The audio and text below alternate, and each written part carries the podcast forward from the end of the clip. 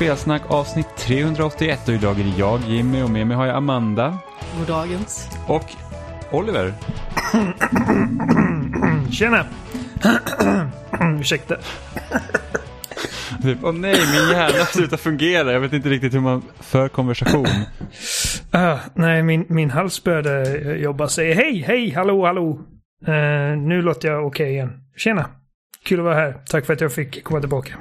Ja visst, mm. men jag ångrar mig djupt redan. ja. jag vet inte vad, vad som hände, ursäkta. Så.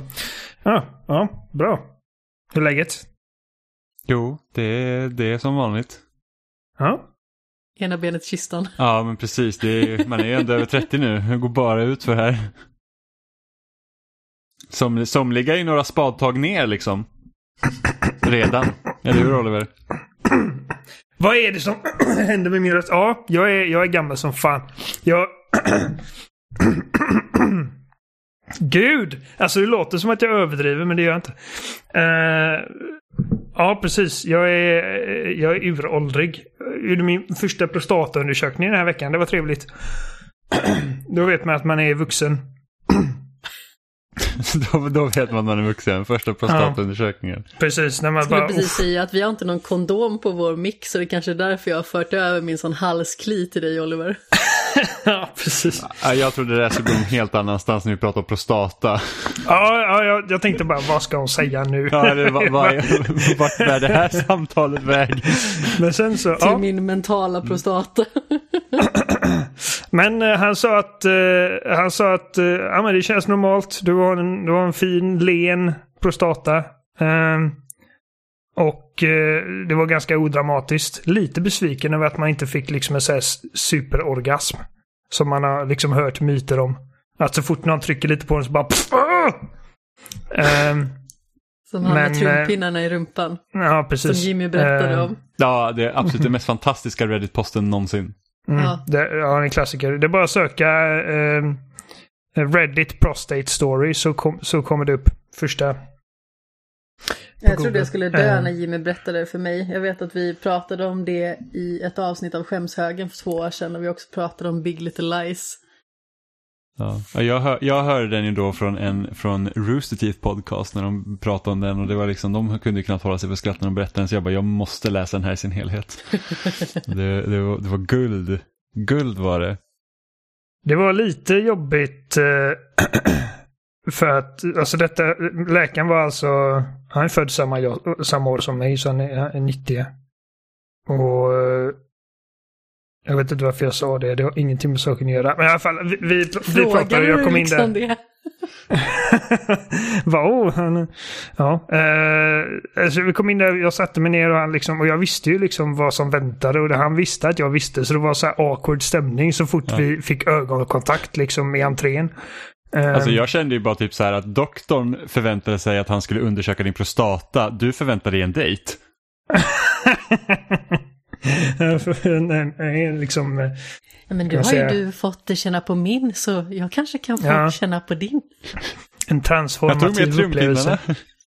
Uh, och, och, så sitter man där och han frågar liksom hur man har mått och sen så bara okej, okay, ja men då kan du ja, klä av dig liksom. Man bara ja, mm. Och det är så jävla, det är alltid första sekunden Alltså varje gång jag har varit hos läkaren, nu inte jättemånga gånger i och för sig, men de gånger jag har varit hos läkaren där mer intima delar ska undersökas. Så är det alltid mest awkward liksom direkt när man tar sig kallingarna. Uh, och man står där liksom i bara, bara t-shirt i princip. Um, så när, man, när de har väl börjat, väl börjat pilla och så, så är det liksom okej, okay, nu är vi igång. Men ja, jag vet inte. Vi är vänner nu. Ja. Och så, och så sa jag liksom när jag höll på för att jag verkligen slasade mig och typ drog ut på liksom att klä av mig. Tog av liksom allting väldigt långsamt liksom och pratade samtidigt. Och sensuellt. Ja, liksom han, han försökte, liksom, han, han märkte garanterat att jag var obekväm och liksom försökte bara liksom dra ut på det eh, oundvikliga. Um, och så, sa, och så började jag garva helt plötsligt och sa alltså ursäkta, bara, jag, jag är inte van vid det här. Och han sa Tyvärr är jag van vid det. Vadå alltså, tyvärr? Ja, precis. Jag vet, jag vet inte om det är bättre eller inte. eller hur? Då blir jag ännu mer obe, obekväm. Liksom, ungefär som att jag, jag hade hoppats på, på, att han skulle säga ja men det, det här är, det är ingen fara. Alltså det, det, jag gör det här liksom varje dag. Det är inga konstigheter. Men han bara ja, ja alltså tyvärr är detta vanligt för mig. Ungefär som att, som att det är jobbigt för honom också. Kul sen när du hamnar typ på en oskriven hemsida, så här rate my anus eller någonting sånt. Den här liksom, på. Alltså jag har ja. säkert berättat den här berättelsen förut, men det var ju sist jag var liksom eh, på en sån här eh, cellprovtagning. Eh, då skulle jag ju dessutom byta spiral. Och då behövde tydligen den barnmorskan hjälp. Så hon kallade liksom in en annan när jag liksom låg där med Fiffi i vädret. Och så sitter de där och så ska en liksom hålla och en skulle liksom in och fippla då. Och så säger den ena liksom sådär va Oj, vilken fin bäckenbottenmuskulatur du har. Och den andra liksom kikar in och bara ja, verkligen. Så då sitter jag här med två främmande människor som liksom kollar Kika. rakt in i Mumindalen och bara ja, men det här ser jättefint ut och man bara mm, tack, jag har gjort den själv. Ja, det, det, är inte ofta man får höra att man har en fin bäckenbottenmuskulatur. Nej, precis. Det är ja, något att vara stolt över. Berätta för barnbarnen. Då har vi alla så här roliga historier, för jag har ju också det. Jag vet inte om jag berättar en i bäckenbottenmuskulatur. Ja, precis. Min bäckenbotten är outstanding. eh, nej, men det är ju när jag var inne och då ni hade en tumör på ena testikeln. Och då var det också så att man liksom känna och klämma och då var det en doktor och av någon anledning så verkar det, jag brukar ofta få vara med om situationer där det är eh, läkarstudenter som är med. N när liksom de ska undersöka. Så att, nu var det en läkarstudent till. Så att båda liksom de här herrarna då eh, stod i knäböjda ner och titta, titta och klämma. Eller ja, den ena då, alltså läkaren då, medan den andra stod liksom bredvid och tittade på. Och liksom, det är inte en så här jättevanlig sjukdom heller. Så att, sen när doktorn då har klämt klart och liksom så här, typ och pratar lite om vad det tror det kan vara, liksom någon tittar på det här. Så, så, så, så då, och jag är rätt så lång liksom, så att jag står så här torna över de här du två. upp? Ja, ja jag ska ja. stå upp ja. Mm. Du står upp ja.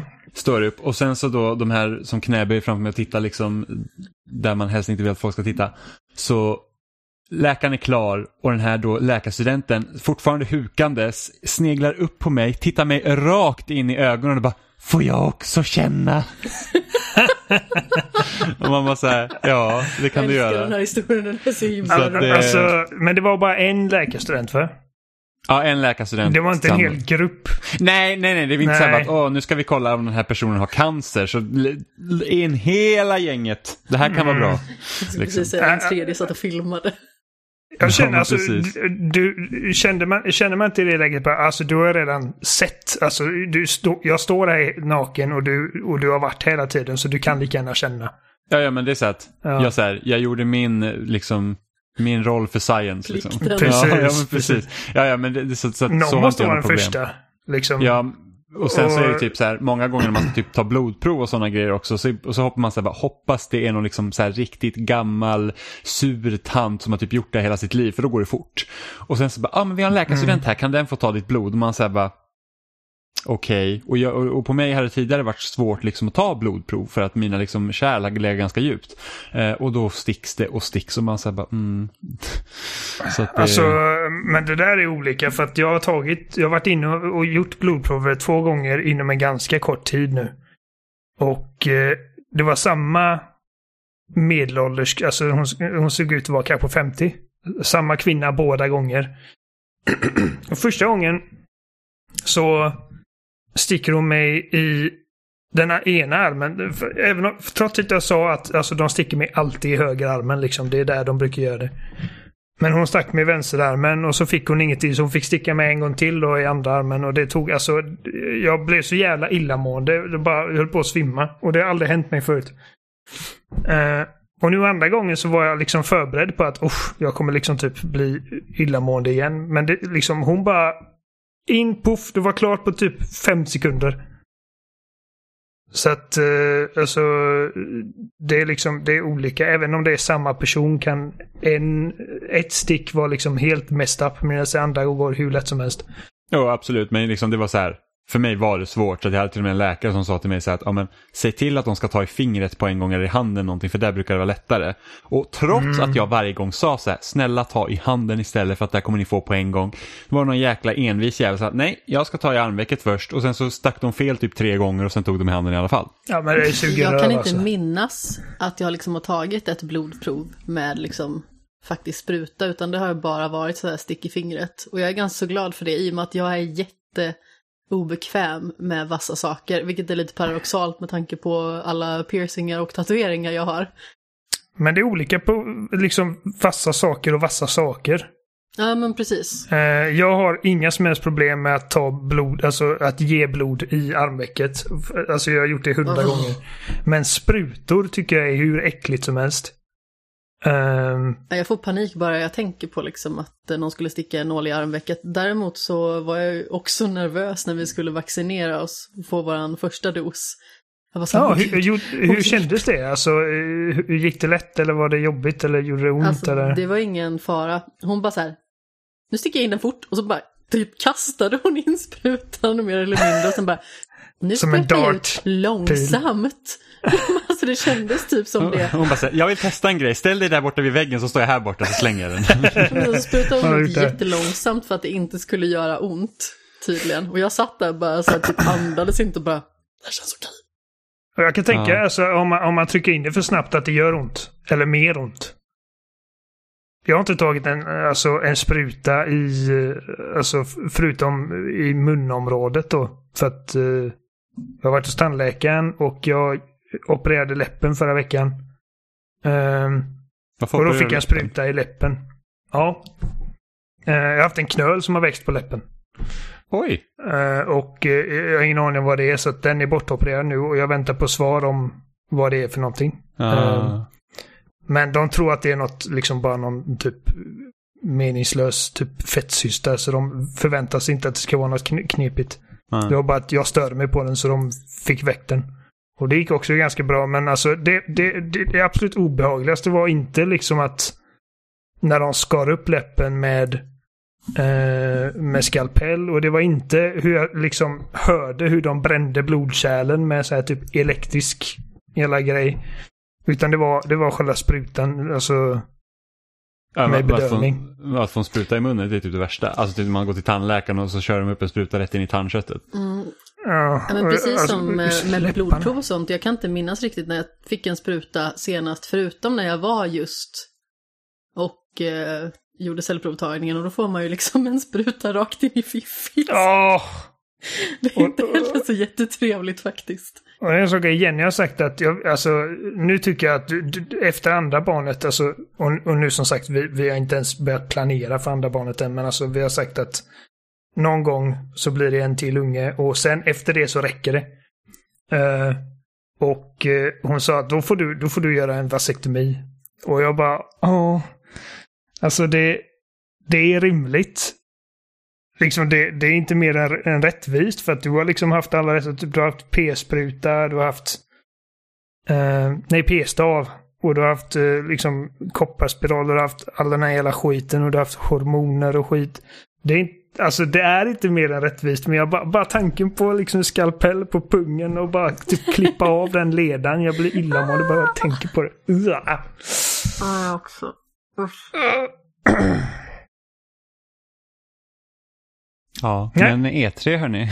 Ja. det, är det, vi, det är det vi faktiskt ska prata om eh, det här avsnittet eftersom Förra året så var det lite annorlunda, då hade vi typ tre månader då E3 eh, som inte var så himla kul. Och i år så var det liksom, inte tillbaka som förut med tanke på att hela eventet var digitalt, men det var ju liksom ändå så att nu har vi ändå några dagar där får, när utgivare har liksom samlat ihop sig och eh, visar en hel del spel.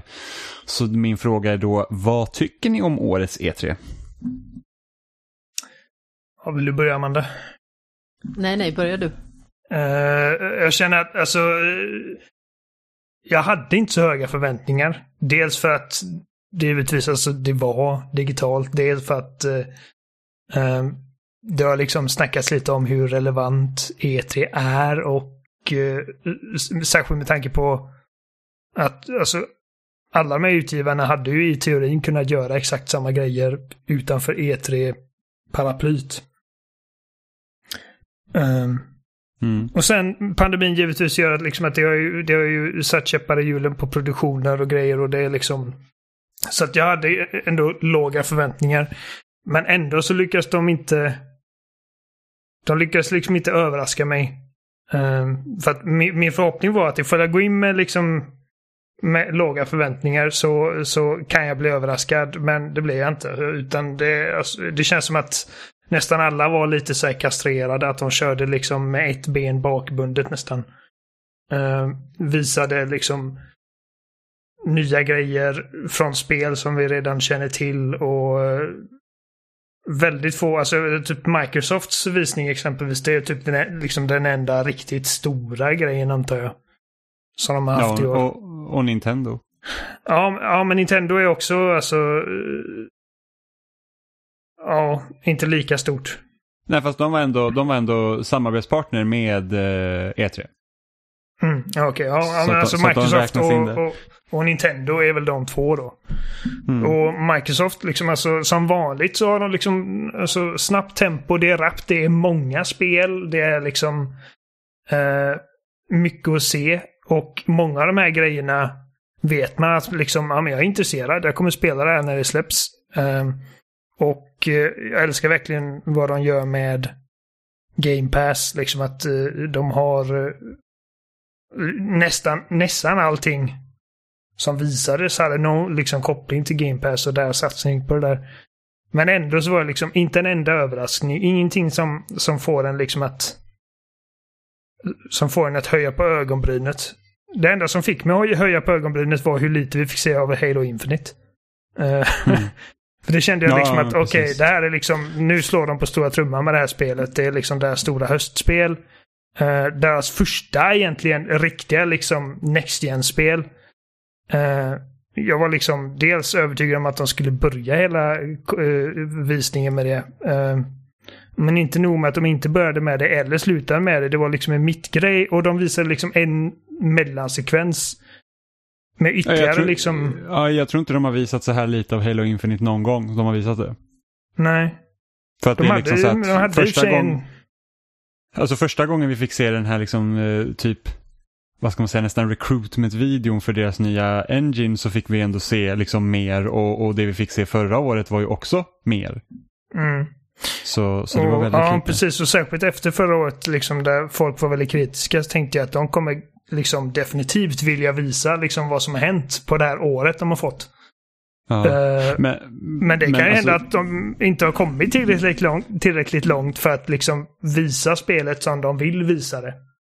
Nej men eh. precis och sen är de väl ännu försiktigare med tanke på det som hände förra året. Ja. Uh, men jag tror ju liksom, jag, det jag tycker var tydligt med den här årets E3 det var ju det att alltså, pandemin har verkligen satt sina spår. Jag tror att det är därför Absolut. vi fick se liksom så, eh, liksom att det, det, är väldigt, väldigt lite nyheter, även sådana spel man trodde liksom skulle få stora blowouts var det så att aha, det var liksom inte mer och det, jag tror att alla liksom så att allt har tagit mycket längre tid. Vi måste liksom bara se till att vi i princip blir klara med det vi har.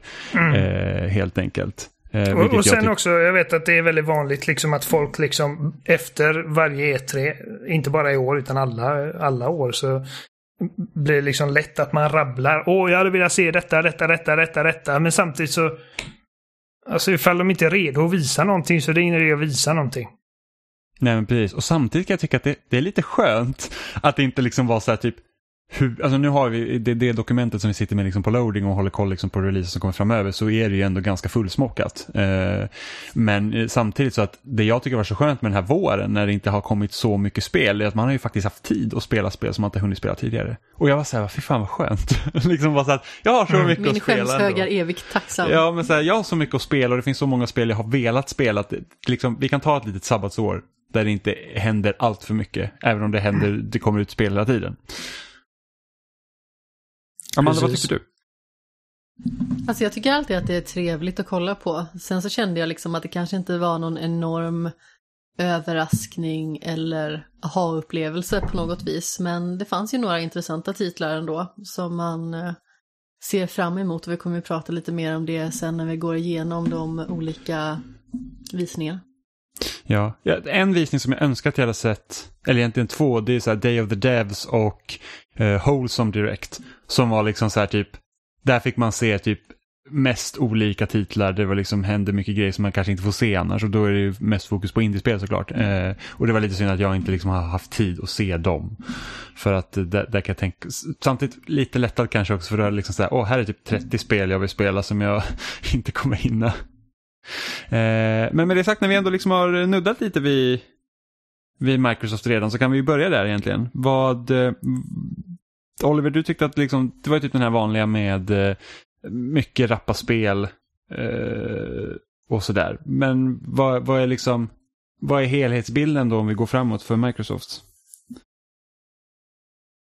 vad, vad tror du liksom hela det här uppköpen med Bethesda liksom?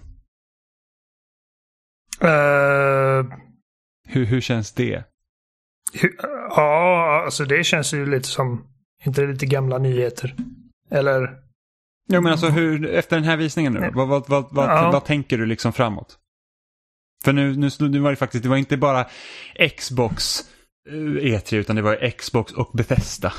Precis. Um, ja, alltså jag tror att Bethesda sitter på en hel del varumärken som uh, passar väldigt bra med Microsofts brand. Uh, tyvärr är det väl inte riktigt någonting som Microsoft absolut, eller jag ska inte säga att de inte var i behov av det, men liksom det är ju inte den typen av eh, grejer kanske som Microsoft mest behöver.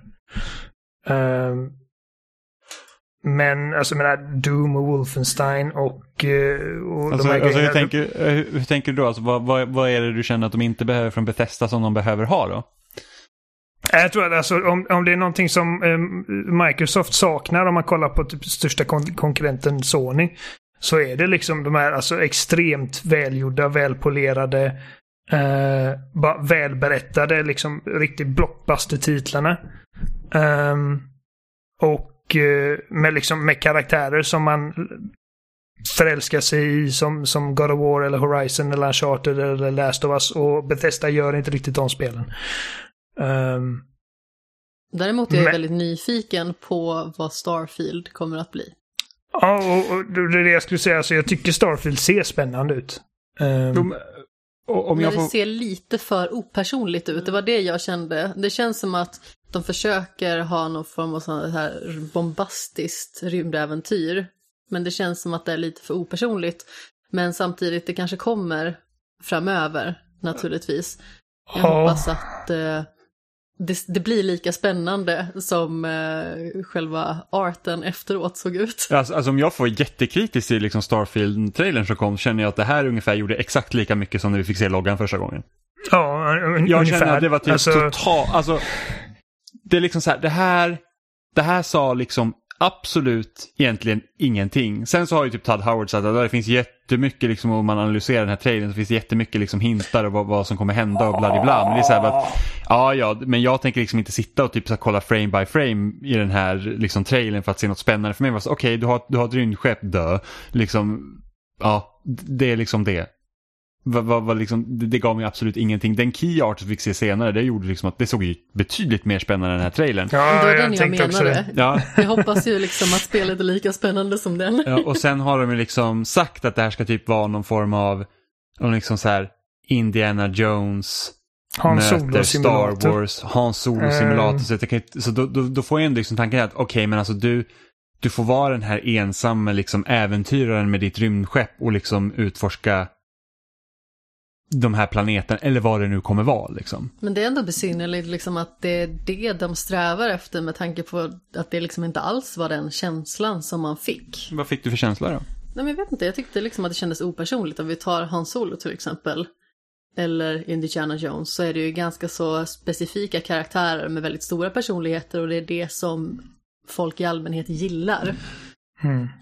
Jag antar liksom att de menar så att det här är din Hans Solo-simulator. Om, om man liksom tittar på hur de har både Fallout och eh, Elder Scrolls så är det liksom så att okej, okay, men du kanske inte spelar Hans Solo utan du ska träda du, du går in i rollen som Hans Solo, som dig själv, när du skapar din karaktär. Jag har inte läst kontexten för mig, men jag, jag uppfattar alltid det citatet som att alltså det här är liksom Alltså infria den drömmen om att ha ditt eget skepp och liksom äventyra i en typ galax.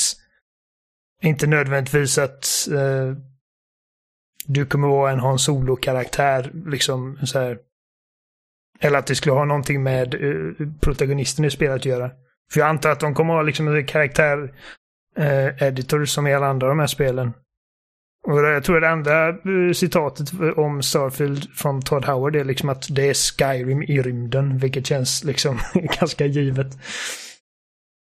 En annan mm. grej är att Jag menar trailern... bara att jag fick liksom inte den här äventyrare-känslan. Nej, liksom nej, nej. Det skulle vara att eh, man är en person som ger sig ut på ett väldigt personligt äventyr. Nej. Det var liksom inte de tankarna som väcktes för mig, utan det kändes liksom väldigt begränsat i vad man fick liksom känna och se. Alltså hade jag fått ha liksom en dröm över den här känslan i det här spelet, så att gå in på, på Vimeo, som är då en, liksom en, en typ YouTube, video, fast för typ ja. kreatör, ja men video, videosida. Och så söker ni på Wanderers, som är liksom en, det är liksom en konceptfilm hur det skulle kunna se ut om människor faktiskt, om vi liksom gick ut och, och liksom koloniserade vårt solsystem. Den känslan hade jag ju önskat liksom att ett spel som Starfield hade kunnat ge. Liksom att det är så att jag behöver liksom inte egentligen kasta mig in i det här liksom, politiska spelen som kan finnas med olika grupper i rymden. Även om det, jag vet att det kommer finnas det i det här spelet med tanke på att de har sagt att du kommer liksom kunna joina olika faktioner och, och så. Precis som i Fallout eller i, i Skyrim. Eh, utan jag vill mer ha det här att det här är liksom vad människor har lyckats åstadkomma. Liksom. Att man får liksom den här känslan av att wow vad rymden är speciell. Ja, alltså, det är lite som jag hade önskat typ att No Man's Sky på ett sätt också hade varit. Mm. Alltså jag, jag, jag, jag, förstår vad du menar när du säger att den här trailern inte sa dig någonting. Uh, men jag, jag känner ändå att det här trailern, till skillnad från den första teasern vi fick där bara titeln utannonserades. Den gav mig ändå någon form av uppfattning om liksom, alltså estetik och uh, ton. Och uh, jag uppskattar att det ändå känns som en ganska eh, Alltså den här sci-fi-världen vi får med det här spelet känns eh, liksom förhållandevis jordnära ändå. Att de här skeppen känns väldigt analoga och jag gillar den liksom. Det är nästan så att jag hoppas att varje gång man startar sitt skepp så måste man se sin karaktär liksom trycka på alla de här reglagen och liksom den här långsamma liksom startup-grejen. Uh, för jag gillar den typen av liksom uh, hands-on uh, ska man säga, detaljrikedom. Som man typ ser i Metro exempelvis, Metrospelen. Ja. ja. har du testat att spela No Man's Sky i VR? Nej. Ja, för där är det så att man liksom, där drar du reglage och du typ hoppar in i skeppet och du kan liksom med händerna och sådär så man måste vara mm. eh, inte, inte typ lika hands-on som den här Star Trek eh, Star Brigade eller vad den heter. När man liksom typ så här, du har typ tre personer som styr det här skeppet men liksom ändå så här att jag får vara liksom lite så här hålla på med lite analoga grejer för att bara komma igång. Det är inte bara ett knapptryck utan man får, man får, får ha, göra lite olika saker. Och jag menar, det är nästan så att jag alltså jag vet inte ifall vi har fått bekräftat eller någonting med. Det är nästan så att jag hoppas att det inte är massa aliens och skit i spelet. Och nu minns inte jag om de bekräftar att det kommer finnas olika raser i spelet. Jag tror det. Men ja, det hade ju också varit kul att kunna köra ett, ett, liksom, det hade varit ett, spännande ett, att liksom... Ett spel med bara människor. Ja, och sen att, att liksom... Precis. Alltså det hade varit intressant också att liksom, okej, okay, det är bara människor, vi har inte träffat någon in annan intelligent livsform och sen vara med om det mötet också. Lite som First Contact War i i Mass Effect. Ja men precis. Liksom att man är ute och äventyrar och sen helt plötsligt bara, hej, här finns en helt annan ras. vänta alltså, nu. Det, hade det varit... finns tydligen hur mycket raser som helst. Alltså, men det hade ju också varit så jävla coolt att spela ett rymdspel där marknadsföringen inte alls antyder på att det finns någon annan liksom, intelligent livsform i det här universumet. Bara så här, nej men alltså människor vi har hittat ut i vårt solsystem, liksom. det är det vad det handlar om och bla bla. Och sen någonstans typ så här, halfway point i spelet eller något så, så bara, vad i helvete är det här? Det var så läskigt. Jag vet inte, jag känner bara att det mest förutsägbara hade varit om det är aliens och skit. Alltså det, det som verkligen hade golvat mig är ifall eh, liksom en stor jävla, alltså, eh, och nu så Bethesda ju liksom stor med stort S spelstudio. Som släpper liksom ett stort jävla liksom rymdopera, typ eh, liksom science, science fiction-rollspel. Och det inte är aliens i. Det hade golvat mig.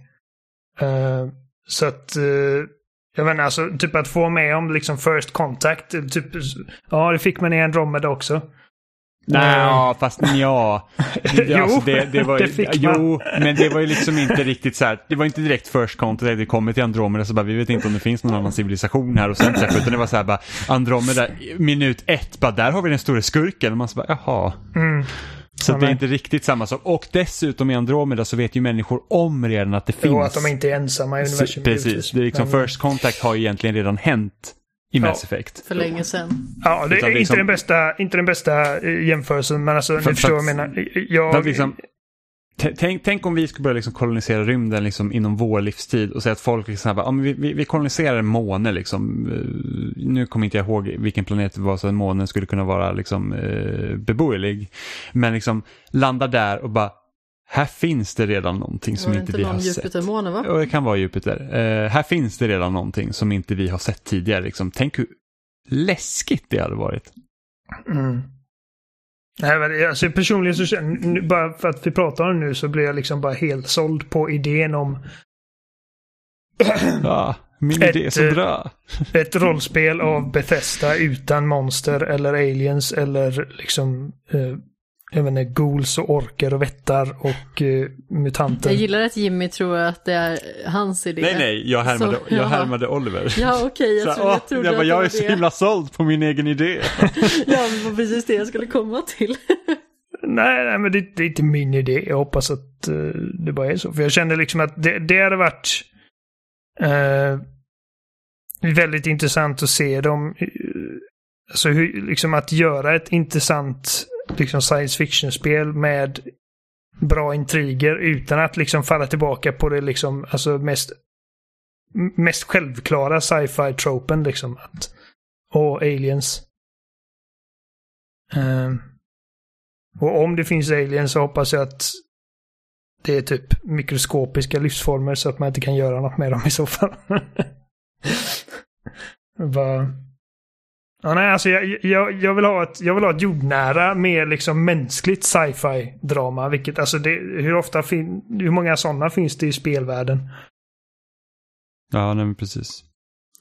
Eh... Fast om man ska vara sån så är ju faktiskt Mass Effect väldigt mänskligt, även att det inte är mänskliga livsformer. Jo, men det är ändå så att det är inte bara mänskliga problem. Ja, utan det är, men det är ändå typ Star Trek. Alltså det är, det är liksom... Det är mer Star Trek än vad det är typ Space Odyssey. Men där fick vi också bekräftat att uh, Bethesda-spelen kommer vara Microsoft-exklusiva. Precis. Och liksom... jag älskar att se liksom alla människor. Alltså dels så har vi de som säger att oh, I told you so, bla bla bla. Och sen har vi de som var helt säkra på att, jag vet att Colin Moriarty skrev när, eh, när Bethesda blev liksom uppköpta. Liksom att Mark my words, de kommer att släppa dem på, på PS5 dag ett också. Och han får massa skit nu.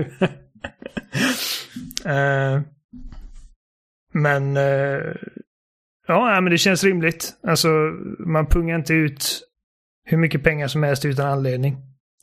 Nej, men sen så var det också en sak som många var också att ja ah, men typ Microsoft har löst sitt första part problem nu med eh, uppköpet av Bethesda och där känner jag ändå liksom äh. det, det är både ja och nej på den fronten. För att ja, om du inte har en Xbox då blir det helt plötsligt väldigt mycket exklusiva titlar på, på Xbox som, om du inte har en PC då, som du helt plötsligt inte kan spela. Vilket gör det såklart mer attraktivt att då in, införskaffa en Xbox. Men har du en Xbox redan så skulle du ha fått spela de här spelen ändå. Mm. Och du har spelat de här spelen. Ja, men så, så, att det blir liksom så... egentligen, så, jag tror vi pratade om det när, när uh, det kom fram liksom att Microsoft liksom skulle då köpa ett Bethesda. Så att ja, jo, de köper Max exklusiviteter, men var ligger skillnaden här? För att det här är ju spel, alltså nästa Fallout hade du kunnat spela ändå om du hade ägt en Xbox.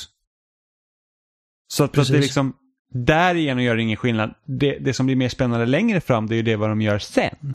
Alltså med spel, liksom, så att nu kanske Arcane kan få liksom en större roll och liksom få pusha in mer pengar där det kan liksom komma exklusiviteter då som liksom mer knutna till Microsoft. Men, men liksom alla de titlarna som ni redan har, som liksom har spelats redan, de, de, så där gör det egentligen ingen skillnad. Nej men, nej, men precis, jag känner inte att Bethesda, det känns inte som, som Xbox-spel heller på samma sätt som typ jag menar, Halo och Gears gör. Och, och det känns, det är ju inte heller direkt så att de med Starfield eller Elder Scrolls 6 eller vad det nu blir. Alltså alla de här Bethesda-spelen har någonting som de kan peka på och säga att åh, det här är liksom någonting som är grymt. Eh, bara på vår Xbox, utan det är snarare åh, det här är någonting som inte längre går att få på Playstation. ja, men, men samtidigt så att det liksom om tio år så har ju det ändrats. Oh, så, så... Då, då, kommer de ju vara liksom bundna så hårt. Men just nu liksom så att, åh, helt plötsligt fick vi jättemånga, liksom, helt plötsligt fick Xbox jättemånga exklusiviteter. Så bara, Jo, fast du hade ju kunnat spela dem ändå.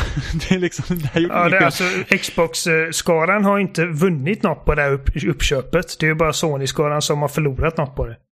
Ja, alltså jag skulle nog säga att de, de riktigt hardcore fansen anser att de har vunnit någonting även om de ja, inte kan spela Starfield oavsett. De är.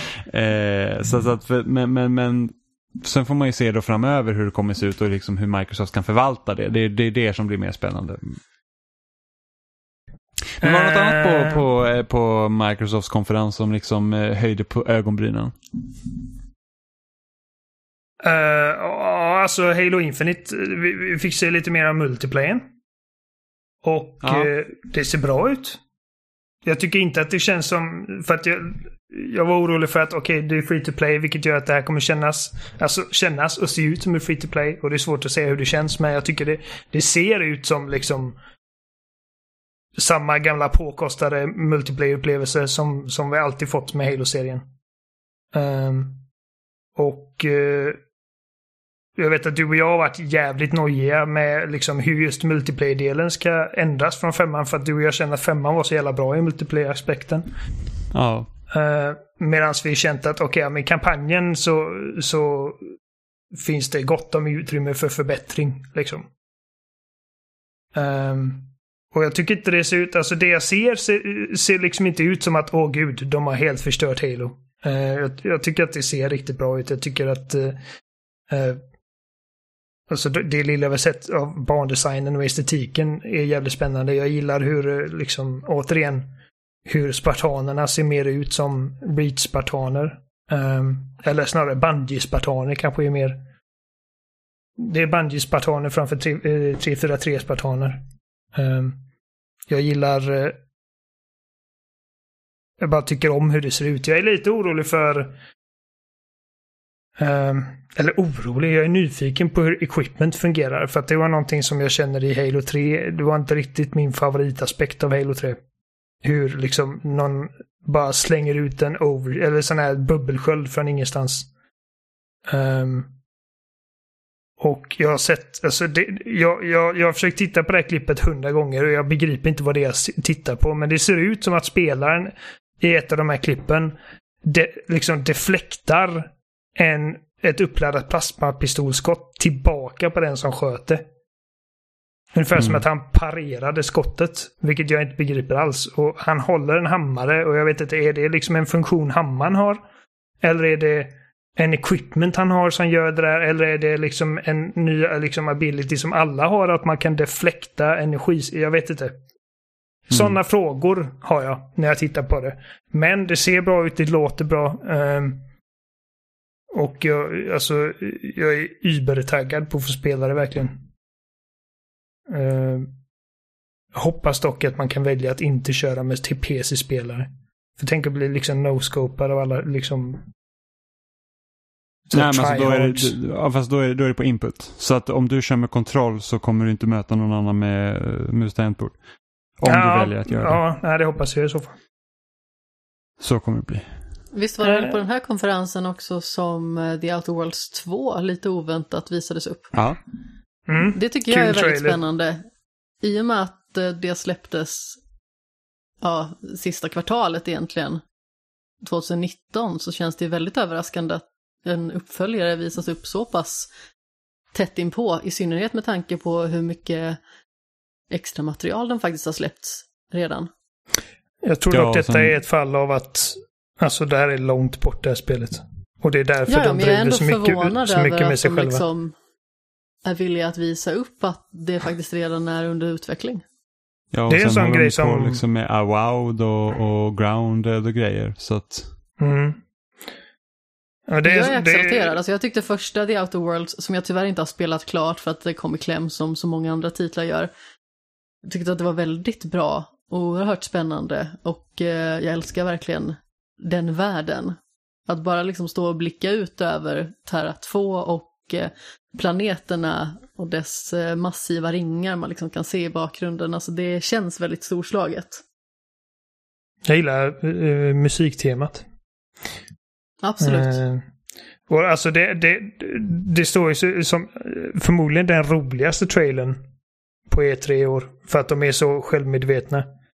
Uh, så bara oh, slow motion och här är min karaktär som vi inte visar upp riktigt för att han är inte färdigmodellerad. Det enda vi har är en, är en titel och här kommer den typ. uh,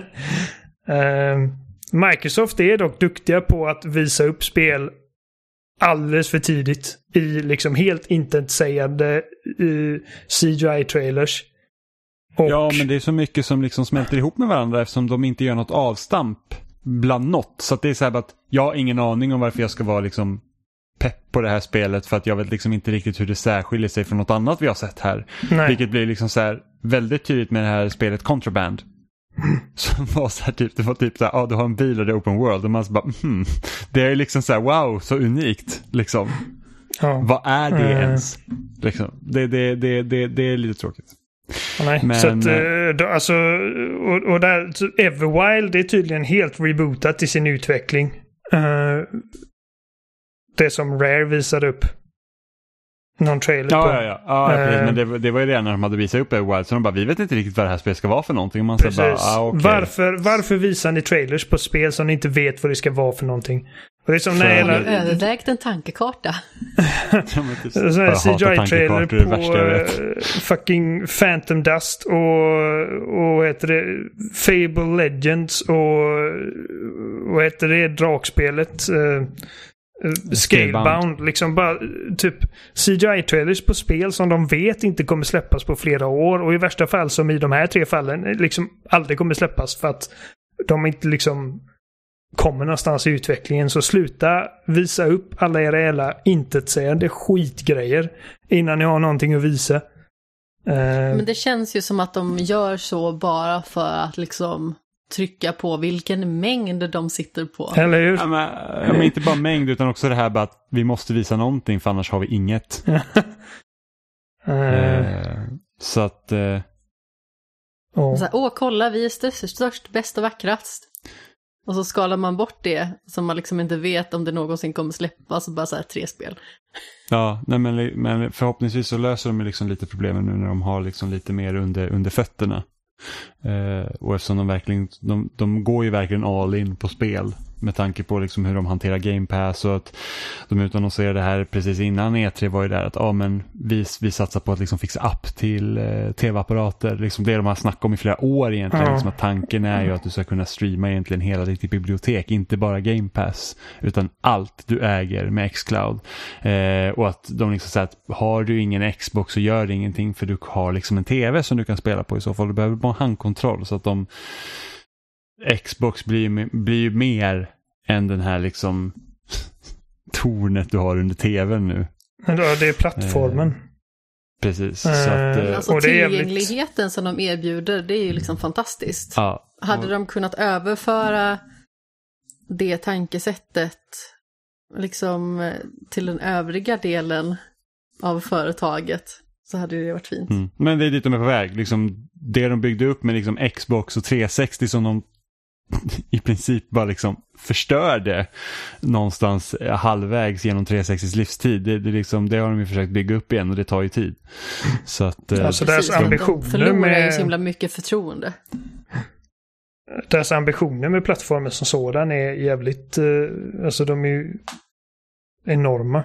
Eh, mm. Och jag tycker alltså Game Pass är alltså den bästa dealen inom underhållningsvärlden. Alltså inte bara tv-spel. Utan överhuvudtaget. Det finns inget där du får lika mycket för pengarna som på Game Pass. Och, alltså den är eh, toppen och jag tycker nästan att det är lite sorgligt att jag inte använder den mer. Men det är ju bara för att det blir så himla sällan som jag faktiskt spelar på Xbox, utan det är ju mest när vi spelar tillsammans. Ja, men det, det är liksom så här bizarrt. Alltså det är typ som i, i, under våren liksom, och, och, vintern när jag spelade så spelade jag precis bara spel som fanns på Game Pass. Och du har köpt typ två spel eller någonting? Ja, men det var typ, jag har köpt typ två spel på Xbox för att det liksom allt annat fanns. Och det var det, det, det var liksom förmodligen det, det coolaste med Microsofts eh, visning var liksom, det har inte någonting med spelen de visar att göra utan det har med att liksom, jag vet att alltså, jag kommer kunna spela nästan allt det här dag, dag ett. Utan ja, det spelar liksom, liksom det. Spelar liksom, det spelar liksom inte så roll om du är jätteintresserad av det. Det är så här att ja, men jag, jag betalar redan för Game Pass, då kan jag ju lika gärna testa. Och speciellt liksom när det kommer till då spel som Alltså det här är ju spel som jag vet att jag hade köpt men det är liksom sådana spel som, som riskerar att kunna falla lite i skymundan ibland om man har något annat på G. Men det är så här som 12 minutes eller Sable eller... Eh, Två spel som jag väldigt gärna vill spela. Ja, ja, men precis. Som, som man liksom verkligen ser fram emot. Demo till eh, Sable finns ju nu på Xbox. Ifall man är intresserad och nyfiken så spana in det. Ja, eller Tunic till exempel. Alla de spelen som jag vet så att jag är intresserad av att vilja spela men andra som säger att nej men det där bryr jag mig inte så mycket om även om det är liksom billigare än ett stort AAA-spel. Så att nu, nu får du liksom chansen. Så, så att det är kul. Men jag tänkte att vi, vi kommer dra ut jättelångt på tiden om, om vi liksom ska prata om allting så jag tänkte att vi, vi, vi, kör snabbt vidare. Jag tänkte att Ubisoft var ju här näst och då tänkte jag bara, är det någonting där som ni var intresserade av? Jag vill bara snabbt nämna vad de slutade med på Microsoft. Eh, som, jag tror det var Mäki som nämnde det förra, förra avsnittet att eh, det kan hända att Arcane jobbar på någonting för Xbox. Vi vet ju att de gör eh, Deathloop. Och eh, det visar sig att ja, det gör de. Redfall heter det Ja, precis. Det som Mackie nämnde som Omen då. Och det känns också liksom... Eh, inte riktigt samma sak kanske, men det känns lite som Ninja Theory-situationen. Att, okej, okay, Xbox, deras första liksom Xbox-exklusiva Arcane-spel är givetvis ett jävla co-op open world-spel. Mm. Uh, och jag menar den trailern var också en sån grej. Det säger absolut ingenting. Uh, alltså att... den trailern liksom gav ju känslan om att det här skulle vara något mer i stuk med Left 4 Dead. Ja. Men det uh, som det... jag har hört i efterhand är det att nej, du ska se det mer som ett typiskt liksom Arcane-spel. Liksom, även om det är open world och det är co-op så lutar det liksom mer åt hållet att det skulle vara, man spelar det mer som ett Prey eller Dishonored.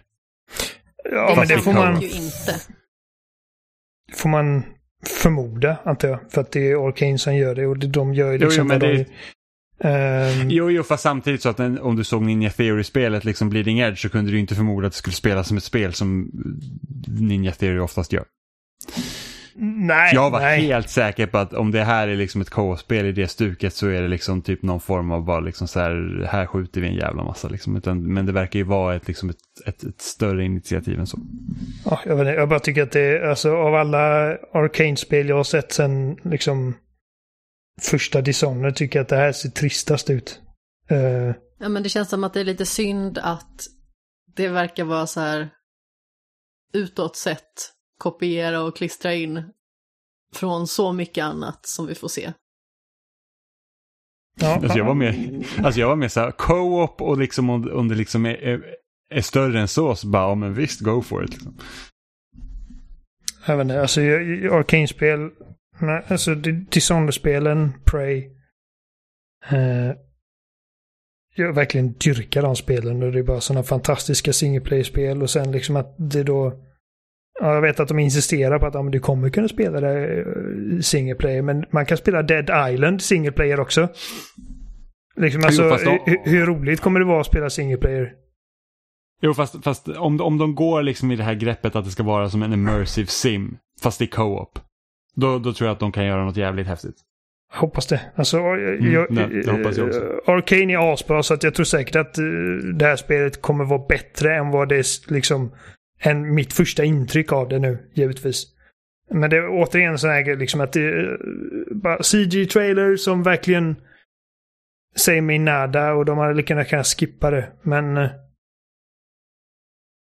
Och det är som alltså Forza Horizon 5 visades också. Det var enda spelet som faktiskt fick liksom lite av en visning. Vilket gjorde att det också liksom det spelet som gav mig mest sug.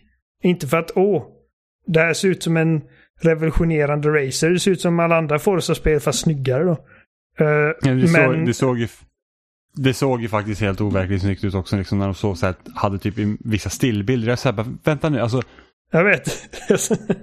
det, så... liksom, det blir så här, även med så här typ YouTube-komprimering så var det bara, Tänker de liksom hoppa in så här, ska vi faktiskt få se typ så här, ja men det här är där vi faktiskt var och liksom typ kollade ja. på grejer för att få inspiration eller är det en bit från spelet? Så, så det var ju liksom ganska uh, häftigt. Jag sa det till Adam och Filip på vår lilla grupp vi satt i på Discord. Uh, att alltså om du hade sagt till mig att det där var liksom alltså ett fotografi så hade jag trott dig. uh, Men, alltså, men sen liksom när, när, när, man ser spelet, de kör runt och bara ja, det ser roligt ut för att Forza Horizon är roligt men det, de, de gör inte så mycket nytt. Liksom, alltså, det är ju inte en enorm liksom ett enormt hopp i någon riktning egentligen. Men det är ändå att okej, okay, här är ett spel. Vi visar upp spelet, vad det är som är roligt med spelet. Och det funkar. Alla andra spel var liksom, ja, här, här är liksom en snutt.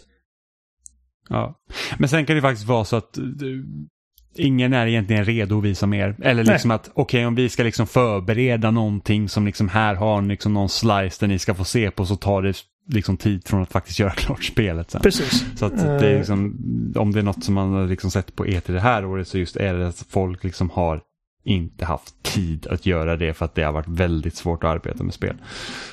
Men vi skulle gå vidare till Ubisoft. Ja, precis. Mm. Vad tyckte äh, du där Jimmy? Jag, eh, jaha, eh, jag tyckte väl att det var så här skitroligt att få se ett nytt Mario Rabbids-spel. Faktiskt. Jag också. Alltså det är en av de största vinsterna, känner jag, under eh, de här senaste veckorna. Att det faktiskt får en uppföljare. För att, precis som jag sagt tidigare, det känns som en så himla märklig kombination att införa och dessutom liksom den typen av spelmekanik och i den genren som det faktiskt placeras i. Och det funkar så himla väl även att man tror att det kommer bli pannkaka av alltihop. Och jag är så glad att det får en uppföljare för att första spelet, Kingdom Battle, var verkligen hur roligt som helst. Ja, ja jag vet det, att du det... sa det för, för några veckor sedan att eh, liksom när vi snackade om typ grejer vi hoppas få se och du nämnde så här Kingdom Battle-uppföljare. Och då kände jag att ja, alltså det är inte omöjligt men det känns också som en sån grej som att ja, de gjorde den liksom spin-offen en gång och sen räcker det. Så att jag hade liksom inte satt pengar på att det skulle komma en uppföljare på det. Så att när det visades så tänkte jag på det direkt. Ja, nu blir Amanda nöjd. Ja, och Emma verkar också bli väldigt nöjd. Ja, Emma gillar, ja, hon älskar, vet du Rabid Peach eller, eller vad det är. Eller Rosalina ja, men Peach. precis. Uh. Vad var det mer? Alltså, de, de visade lite mer av Far Cry 6, eh, någon mellansekvens tror jag.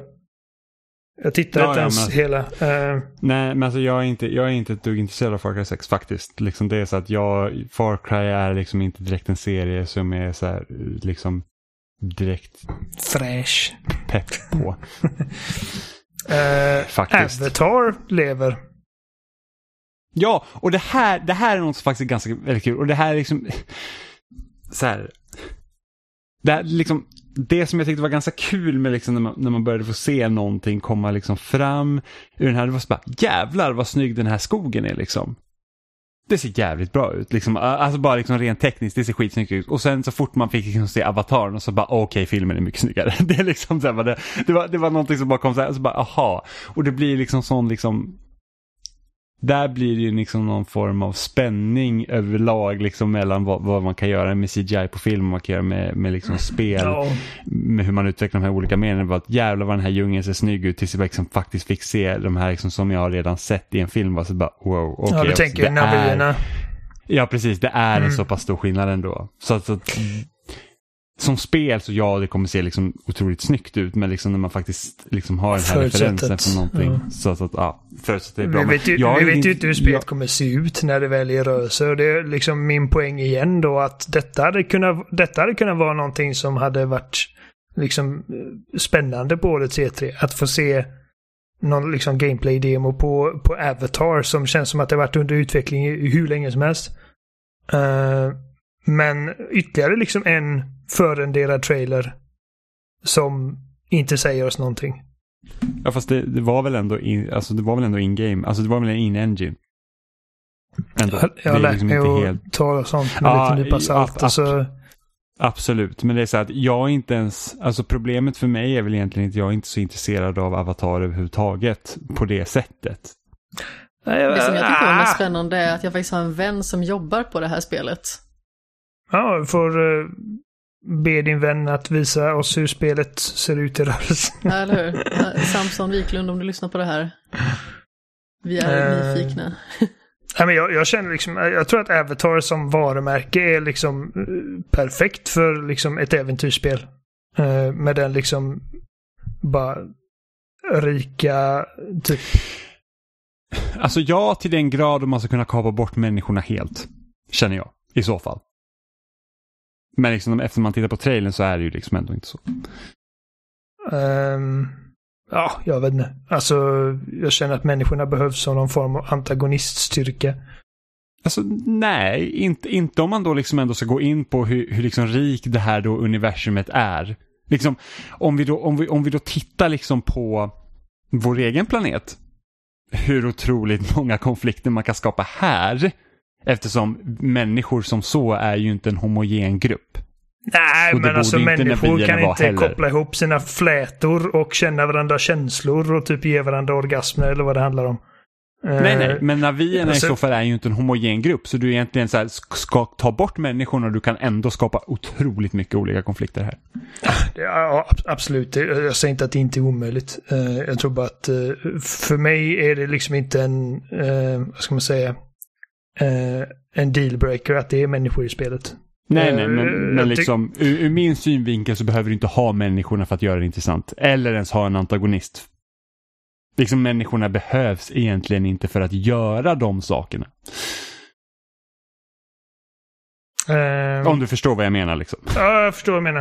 Uh, ja. Men uh, ja, alltså oavsett så känner jag att liksom, bara, den här trailern gjorde inte så mycket för att liksom sälja mig på det här spelet. För att, jag är ändå smått nyfiken. Jag har faktiskt inte ja. sett Avatar. Nyfiken är Har du inte sett What? Avatar? Nej. Har du sett Pocahontas? i världen. Ja. Ja, men då har du sett Avatar. det är liksom så här, väldigt likt ändå. Mm, jag alltså, jag vet att det, det, är liksom, det, det, är lätt att liksom skita på Avatar som, som något o... Um, vad ska man säga? Ooriginellt, men den filmen är... Alltså jag tycker att för vad den är funkar den jävligt bra. Och uh, uh, bara på ett rent tekniskt plan så är den himla Alltså tekniken bakom Avatar var mer spännande än filmen om man säger så. Bedrift? Ja, men, ja, jo, men jag tycker att alltså, ifall man kan uppskatta... Och det behöver liksom... inte vara en fy skam för det. För att jag Nej. köpte liksom jag köpte den här, så här Collector's Edition av Avatar för att jag var mer intresserad av hur man hade gjort filmen än att faktiskt se filmen om man så.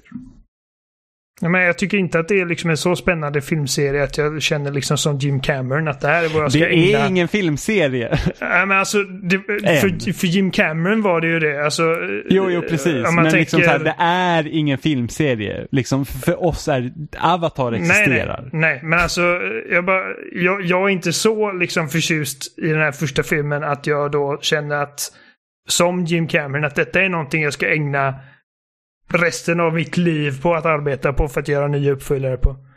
Uh, men bara som en liksom simpel bara äventyrsberättelse. Uh, så de har spännande action och, och häftiga set pieces och liksom likable karaktärer. Och man behöver inte alltid mycket mer än så. Nej, så är det. Absolut. Så är det. Uh, så här, vad var det mer på Ubisoft? Uh, eh, DLC alltså, till Assassin's Creed Valhalla. jo, jo, men absolut. Liksom, visst. Det existerar. Jag vet liksom inte heller hur intresserad över det här liksom avstickarna av Rainbow Six heller. Nej, gud. Fan vilket uselt. Alltså det, det är bland det sämsta jag har hört talas om. Alltså bara pitchen på det är helt obegriplig för mig.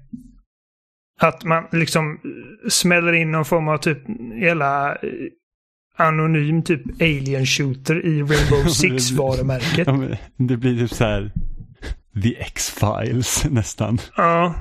Och det är tydligen alltså, liksom karaktärer från Siege, alltså de olika operatörerna. Alltså... Ja, absolut. Och där tycker jag ändå att liksom, alltså de har ändå lyckats med någonting med sina liksom, operators från eh, Eh, liksom Rainbow Six, när liksom kan ta ändå någonting som på förhand ser så jäkla anonymt och tråkigt ut egentligen. Liksom det, det är lite av den här typ, ja men man skulle nästan försöka göra av en, en grej av att man har typ den mest stereotypiska amerikanska soldaten någonsin i princip. Men det, liksom, det finns ju en sån karaktär i Rainbow Six Siege som kom som DLC som typ Robin brukar spela, liksom skoja med den här med typ så här, du har de här svarta solbrillorna och den här jävla kepan. Mm. Han som har en jävla sköld på sin pistol, liksom, han ser ju ut som typ med alla A1 liksom soldat som man har typ sett genom alla liksom, amerikanska krig. Ja men så här, alla amerikanska krigsfilmer som behandlar Irakkriget. Liksom typ den typen, ändå har fått liksom att få de här karaktärerna att ändå på något sätt vara någon form av karaktärer. Sen så tycker jag ju liksom att det här liksom, de systemen som de verkar liksom spela lite på i Rainbow Six Extraction, som det numera heter, eh, att, att du har liksom det här med att, nej men alltså du kör en operator och blir den tagen, ja, då måste du gå och rädda den för att allt du har arbetat med är liksom borta. De grejerna är ju intressanta. Men samtidigt så att, ja, jag vet inte om jag är tillräckligt intresserad för att jag själv skulle vilja spela det. Eller liksom, inte för att jag inte skulle kunna liksom spela det, men engagera mig i. Om man säger så. Jag är nyfiken, men bara för att liksom se hur det fungerar, men kanske inte riktigt nyfiken för att jag liksom vill bli investerad i det. Om man säger så. Jag vet inte, alltså för mig, Rainbow Six handlar om liksom taktiska, liksom multiplayer-spel. Uh, eller åtminstone ja, taktisk ja, Tom Clancy, uh, typ politisk thriller.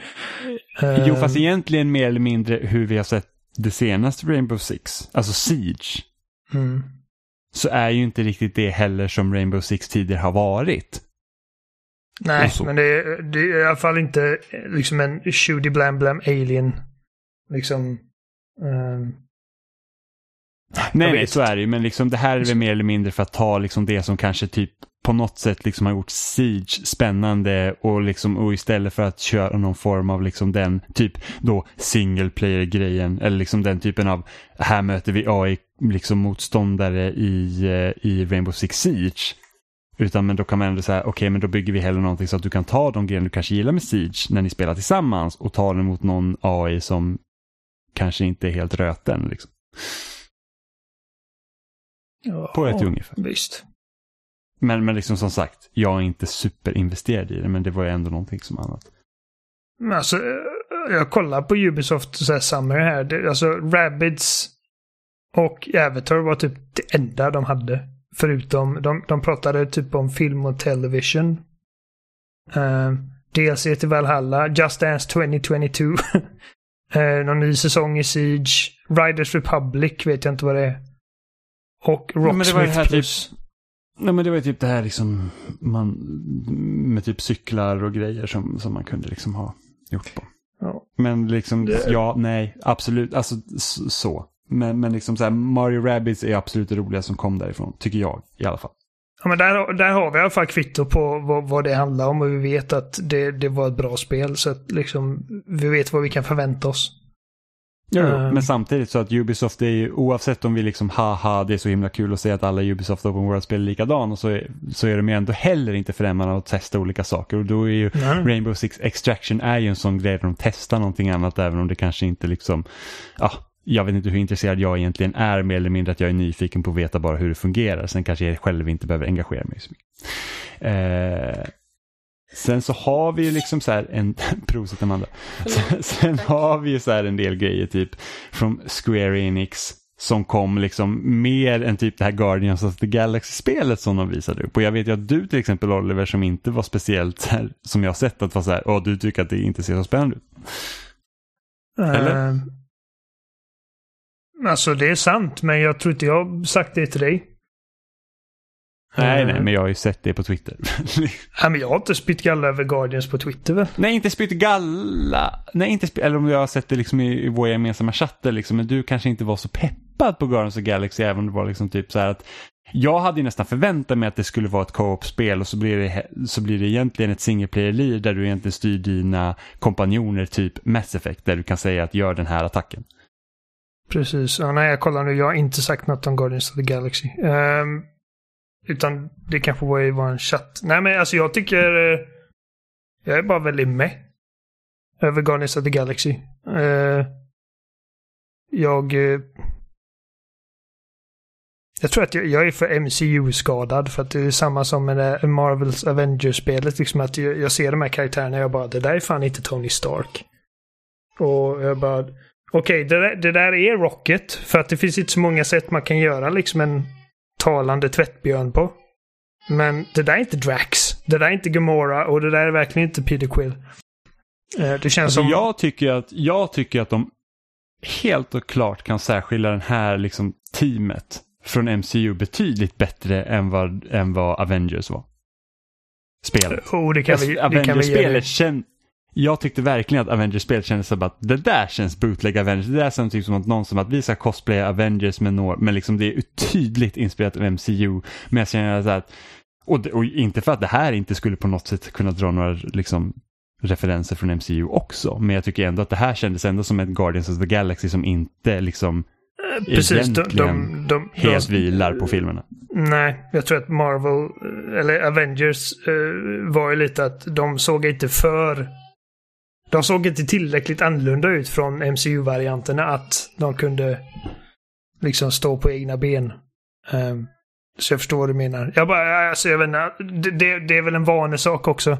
Och uh, liksom, för mig handlar det inte om att det står och faller med hur de här karaktärerna ser ut. För mig var det bara att jag tycker gameplayet så, såg bara väldigt tråkigt ut.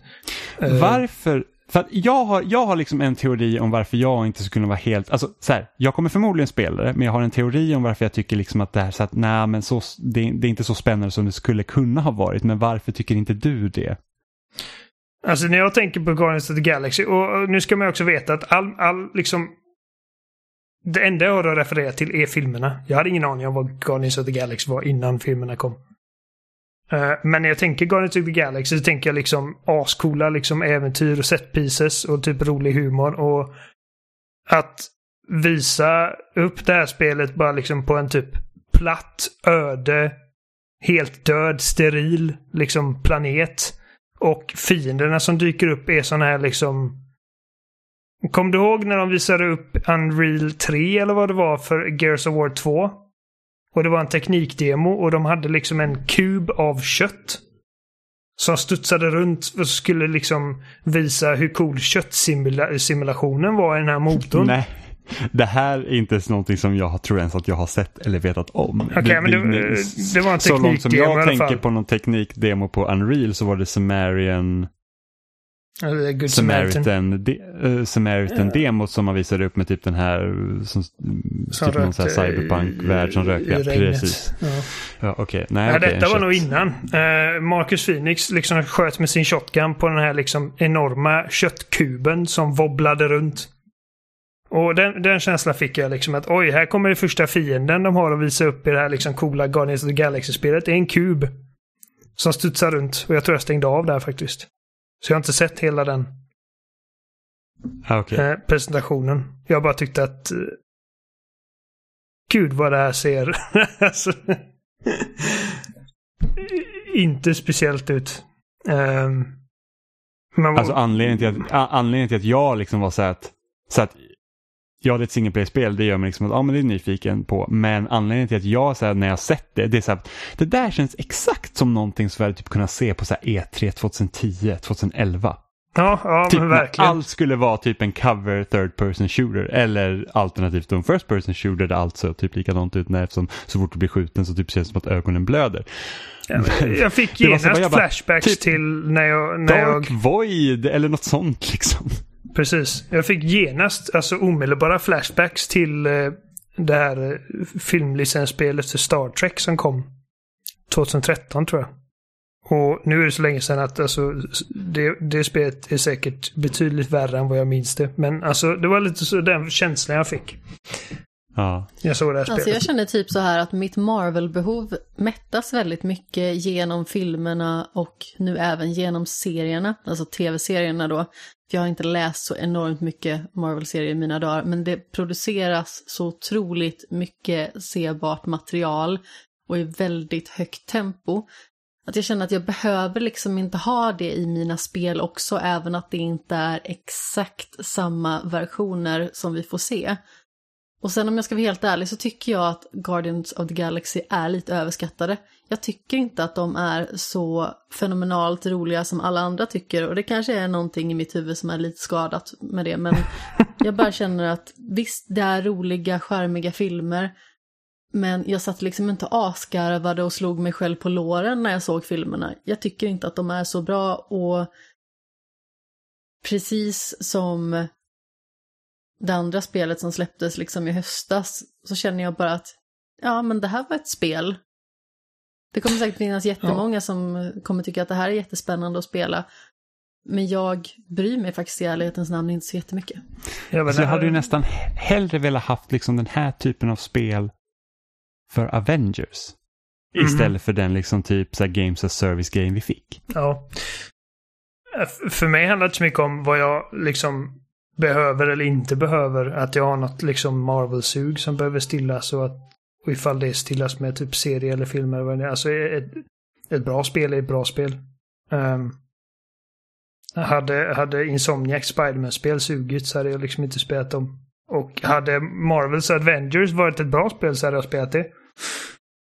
Um, och det kan hända när, när detta släpps, liksom ifall, ifall det här liksom får typ kanonrecensioner eller det behöver inte ens vara kanonrecensioner. Om det får liksom bra recensioner och folk gillar det.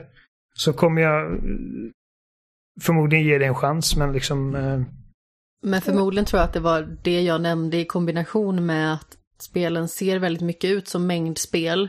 Mm -hmm. Och när jag såg Spiderman första gången så tänkte jag ju direkt på Batman.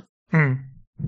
Och det är liksom en serie som jag älskar så oerhört mycket och jag tänkte bara att det här ser ut som Batman fast liksom i Spiderman-skrud och med ett rörelsemönster och en känsla som passar Spiderman. Och det var ju vad vi fick också. Det är ju kanontajt och det levererar verkligen så klockrent den här lilla ettriga karaktären som svingar sig runt och kan göra så himla mycket häftiga tricks. Mm. Sen ja. så kan jag tycka att det är ganska tråkigt när vi liksom ska få de här liksom typ superhjältespelen så liksom får vi liksom exakt samma saker som vi faktiskt får se i filmerna. Liksom Avengers hade ju den liksom, om man då tänker spelet, hade ju liksom ändå den fördelen med att du kan liksom ta in andra karaktärer från Marvel som inte vi nödvändigtvis har sett redan i filmerna, som Kamala Khan i Avengers liksom, henne hade vi inte fått se. Så det var ganska kul liksom, att få någon, någon, någon liksom fräsch grej, även om du typ hade Black Widow och, och liksom med mera där.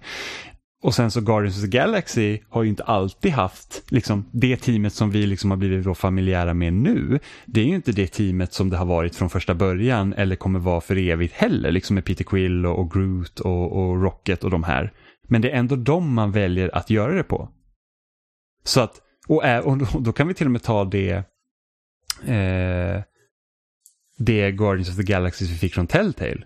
Det var ju också samma karaktärer som vi har fått se, trots att det inte behöver vara det. Och det är släppts. Liksom, Telltales Guardians of the Galaxies? Mm. Eller Guardians of the Galaxy? Ja, det finns. Jaha. Helt och hållet. Det har jag spelat igenom. Det var helt okej. Okay. Jaha, okej. Okay. Men det var hade... inte så länge sedan. Nej, 2018 tror jag. Det är väl ganska så länge sedan ändå. Jo, jo, det är men inte det är som att det släpptes igår. Nej, nej, men det är ju ändå liksom sam... Du har Peter Quill, det mm. är uh, Gamora, det är Groot, det är Rocket, det är Drax. Det är exakt samma team. Trots att det inte behöver vara det, för det är inte vad Guardians of the Galaxy alltid har varit, det är bara det det är nu. Så att Jo, alltså det var mer en reaktion på Olivers förvånade röst. Ja, ja, ja. ja, ja nej, men jag, jag, jag, var helt säker på att Oliver visste, eller kom ihåg att det fanns ett Telltale Guardians of the Galaxy. Jag kom ihåg att det var en grej. Jag bara har inte tänkt på att det faktiskt har släppts. Um... Mm. Men eh, för att liksom avrunda då Square Enix liksom det finns ju liksom mycket där som folk som, som folk som älskar typ Final Fantasy och sånt som älskar mer av. Men det jag tänkte var mer så här för att jag är väldigt gärna liksom kunna vilja spela liksom de äldre Final Fantasy också och nu kom det så här att oh, istället för att ni ska få de här typ dåliga liksom typ mobilportningarna av eh, Final Fantasy där de typ körde typ smudge-filtret på alla pixlar så att man inte ser en enda liksom pixel utan det ser ut som dåligt tecknade karaktärer så ska de ju komma nu med de här nya typ 2D-remakesen som, som faktiskt liksom mer uh, är som originalet och så kommer det bara till Steam och mobil. Vilket jag tyckte var lite tråkigt. Jag hade gärna sett att den samlingen kom till Switch med Final Fantasy 1 till 6. Så det var lite synd. Jag hade ju jättegärna sett sexan göras om lite mer i Final Fantasy 7 Remake-stuket. Jag hade älskat det. Så du det är ett så häftigt spel. Så du hade velat haft ett Final Fantasy 6 som ser mer ut som Final Fantasy 7 Remake? Ja, alltså inte just själva stilen, Nej, men liksom, om man säger så, utan liksom 3D.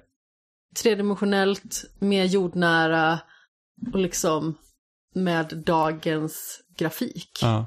Jag, alltså, jag älskar ju hur det ser ut. Det är oerhört vackert. Jag har aldrig tyvärr klarat det. Men jag tycker berättelsen är jättespännande och liksom bara tanken på att få Kefka upp i ens ansikte liksom i 3D. Ja, det är lite skrämmande och väldigt spännande samtidigt. Jag hade gärna sett ett Final Fantasy 6 i samma stil som Octopath Traveler. I det som då de kallar 2D HD. Fast då blir det ju nästan samma sak en gång till. Känns Ja, men jag hade gärna sett det som så. Jag hade gärna sett det som så, för jag tycker det är så himla läckert. Jag hade gärna haft ett Chrono Trigger som ser ut på det sättet också. Om man nu inte vill bara liksom porta SNES-spelet rakt av. Vilket jag också hade kunnat ta. Som också är ett jättefint spel. Ja, ja, men jag hade gärna kunnat ta det så. Alltså jag, alltså jag älskar intro till Final Fantasy 6. Jag tycker det är helt fantastiskt. Och, det, och Final Fantasy 6 är också ett sånt spel där på den tiden, precis, precis när man pratar liksom om Final Fantasy 7, hur liksom ovanligt det var liksom att här har vi en karaktär man kunnat spela så som faktiskt dör. Så är Final Fantasy 6 ett sånt spel där du efter halva spelet förlorar. Vilket var väldigt ovanligt på den tiden. Och det är ett väldigt mörkt spel i allmänhet. Ja, så är det Eh, men jag tror inte att, vi har inte något annat än Square Enix va? Direkt. Nej. För, för, jag tänkte direkt, jag tänkte liksom direkt hoppa på liksom nästa stora grej och det är egentligen liksom Nintendo. Ja, för Capcom som, hade ju ingenting. Um... Nej, Capcom visar i princip bara saker som uh, vi redan kände till och jag har inte ens sett den. Nej, så att jag tänkte liksom Monster Hunter-grejer. De bekräftade DLC för Resident Evil Village. Ja, och det var typ men, det. Liksom, det var inte mer. Ja. Uh, Nej, jag, hör, jag hörde liksom också att det, liksom, det fanns liksom typ... Något, något Ace Attorney-spel. Ja, men folk frågar sig i princip att varför gjorde de ens någonting? För det kändes liksom helt onödigt. Jag tror att det var eh. Martin som skrev i chatten och undrade varför han ens såg på det här. Ja. Så att, så att ja, jag, jag, jag, tänker mig liksom att... Jag skrev det bara, vad fan tittar jag på? Liksom, de hade en jättelång grej med det här Ace Attorney-spelet där de typ fastslog att den snubben med skägg som de pratade med inte alls var en snubbe med skägg. Det var en kvinna som hade förklätt sig. Jag bara, vad fan. Han gjorde en jättegrej av det där. Helt bisarrt. Så vad tyckte, vad tyckte ni om Nintendos visning? Ja, alltså ja, jag kan väl börja då. Uh, jag höll förväntningarna låga för att det har liksom varit typ alla andra har varit ganska klena i år. Och det är liksom som sagt det är förståeligt. E3 är liksom inte up to full speed än kanske. Um, men eftersom jag sänkte förväntningarna lite så, så de lyckades faktiskt överraska mig. Nintendo. Och jag tror att eh, de, Nintendo var de som lyckades liksom ge mig den enda liksom aha Oh my god, ja, är det sant? Ögonblicket. Det var när de utannonserade Metroid 5, Metroid Dread. Det sjukaste med liksom Metroid Dread-grejen är det att för att, för att, även om jag alltid liksom tyckt om, jag tycker om Metroid, jag tycker om Metroid Prime och, och liksom de spelen och jag, och jag har typ alltid sagt så ja oh, men Metroid Prime Trilogy på Switch, varför har vi inte fått det än? Så, så här, Metroid Dread är ju en sån grej som liksom förknippar så hårt med en specifik användare på gamla Nintendo-forumet och jag vet inte om du kommer ihåg den här personen Oliver. Nej, men han gick under nicknamet Snällhäst. Ja, ja, det minns jag. ja. Han var så sjukt involverad i Metroid som serie och han hade liksom just de här olika liksom typ stora trådarna om just Metroid Dread. Ja, eh, alltså jag kommer ihåg de här trådarna och det var inte bara på NF, det var ju liksom överallt. För att Metroid Dread var ju någon form av typ Easter egg som fanns i något av Prime-spelarna. Ja, jag ser att första omnämningen av Metroid Dread som liksom mer eller mindre eh, var liksom så här typ att på något sätt bekräfta att det finns ett spel i under utveckling var från 2005. Vilket till och med predatar eh, liksom Nintendo-forumet. Ja, eh, så att eh, det känns helt helt bisarrt, nästan overkligt att Metroid Dread faktiskt är ett, en riktig produkt. Att det existerar. Ja, men att de ens kallar det Metroid Dread. Alltså när jag ja. såg det, jag bara såhär, alltså det här trodde jag ju bara var någonting som typ den här personen hade dikterat. Liksom.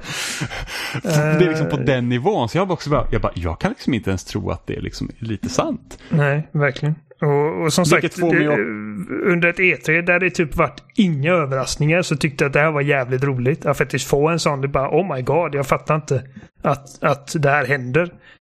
Um... Och absolut, absolut, och inte bara det, för någon som helt och hållet har kritiserat Nintendo för att de typ så här de typ låtsas som att GameCube inte på något sätt skulle existera eller liksom att vi får inte GameCube på Switch eller något så här. Så känns det som att hela den här presentationen var typ ett hommage till eran där Nintendo hade GameCube och Game Boy Advance. Ja, eller hur? Metroid här, och Inte Monkey nog Ball. med att... Nej men så här, inte det. Inte nog med att vi har ett 2D Metroid som är Metroid Dread, som är uppföljaren till Metroid Fusion som kom på Game Boy Advance samtidigt som vi hade det första 3D Metroid i Metroid Prime. Vi kommer ju också få ett Metroid Prime 4. Mm. Nu går Jimmy ner i spagat här. Ja, alltså, det är bara så, man, bara så ah, vad, vad är det som egentligen händer? Och inte nog med det, vi har Super Monkey Ball, alltså remaster på Super Monkey Ball 1, 2, 3, ett paket. Vi har ett nytt WarioWare. Ja, det är också jävligt Va? Kul. Eh, och? Och bomben då. Och ja. vi har ett nytt Advance Force. Så jag var liksom bara såhär, vad, vad är det ja. som faktiskt händer? Nytt. Det kändes som att Jimmys uh, byxor var väldigt osäkra när det hände. Nu är det inte ett nytt Advance Force. Nej. Men det hör inte riktigt hit. Nej, jag, jag, jag tänkte inte... fråga dig. Alltså är detta, var du besviken när du såg att det var re remakes eller är det, nej men det här duger? Jag har inte spelat första Advance Force eller andra Advance Force. Min, min, första kontakt med Advance Force är ju Dual Strike som jag har spelat typ i flera hundra timmar och jag har spelat Advance Force Days of Ruin. Jag har inte spelat de två första och jag älskar den här serien så att bara det är en remake okay, på att jag, ja, I couldn't be happier. Sen så ser det ju lite ut som skit. Liksom, jag, jag är inte riktigt vän med den här 3D-grafiken som de har som jag älskar verkligen. Liksom du menar alltså inte att, att, du tycker att spelet ser ut att vara skit, utan att du tycker grafiskt är det skit? Eller vad? Ja, för att ett, den här typ 3D liksom grejen som de har i det här spelet tycker jag inte ser jättebra ut. Jag hade hellre sett att de fortsatte med pixlarna. Eller att de typ gjorde någon riktigt så här stilistisk grej som i typ Link's Awakening. Ja, nu ser det ut som leksaker. Ja, och jag tror att det är det de går efter. Förmodligen. Och jag gillar inte det. Då hade jag hellre sett, för jag tycker den här, typ den lilla jävla soldaten med den här typ gigantiska näsan tycker jag är asful. liksom, det är bara så. Och det kommer störa mig till vanvett. Och nu är det så att de här, tittar man på liksom de mer Eh, tittar man på de här soldaterna, hur de faktiskt, när de är liksom mer detaljerade pixlarna, så, så är de ganska lika. Men liksom när man tittar på hur de ser ut på, på liksom världskartan, när man styr runt karaktärerna, då är de fula bara. Det är liksom det enda. Men jag älskar att vi kommer få ta tillbaka Advance Wars. Och, och, och, liksom, och det kommer finnas online på de här liksom spelen. Alltså jag är bara så här, åh gud, det här kommer bli så kul att spela. Och det kommer ut i december när det inte kommer finnas så mycket annat att spela ändå. Så det är bara, ah, det är perfekt. Eh, och, och inte nog med det. Vi kommer också få ett Mario Party på Switch som kommer ta typ så här best off från alla spel. Och man säger bara, men gud, vad är detta? Vad är detta? vad fan? Mario Party blandband. Och det finns ju ett, ett sånt till 3DS tror jag redan som inte var jättepoppis. Men att det kommer till Switch med online är bara så här, åh gud vad bra. Är, alltså, är det, nu missade jag, men har de de här tråkiga liksom, eh, vad heter det? eh, brädspelsaspekten rätt eller är det bara en samling av minispel? Nej, nej, det är ju brädspelen också. Det är oh, typ, du kunde spela den här typ de bara, ah, du kommer få spela så här Peach tårtbana från typ första, eh, från första Mario Party. Jag bara säger, ja, ah, det var typ det värsta som fanns där. Men jag alltså tror att jag... jag dock är bannad från att spela Mario Party med Jimmy. Vad sa du?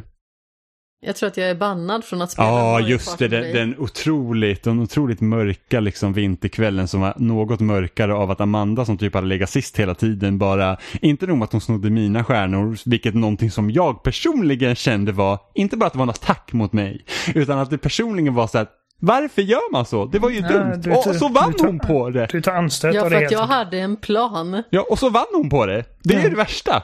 Då kan jag inte säga att vad dum du är. Nej. liksom för att det var ju typ det bästa valet. Då gjorde hon rätt. Ja. ja. Inte för mig, men personligen ja. för henne själv så gjorde hon absolut rätt. Du hade gjort samma i hennes situation. Nej, det, det, det här är ju det värsta. Nej, jag hade inte gjort på det sättet. Så att det är det också som är det värsta. Inte nog Okej, okay, du är inte smart det nog hon, det hon gjorde var dumt, inte bara för mig utan någonting som jag trodde skulle vara också dumt för henne för att det är inte någonting som hon kanske skulle kunna vinna på. Så gjorde hon det ändå. Ja, men hon vann på det. Så hon, hon, såg liksom möjligheten i den ekvationen som inte du gjorde. Så hon är smartare än det helt enkelt. Japp. Ja.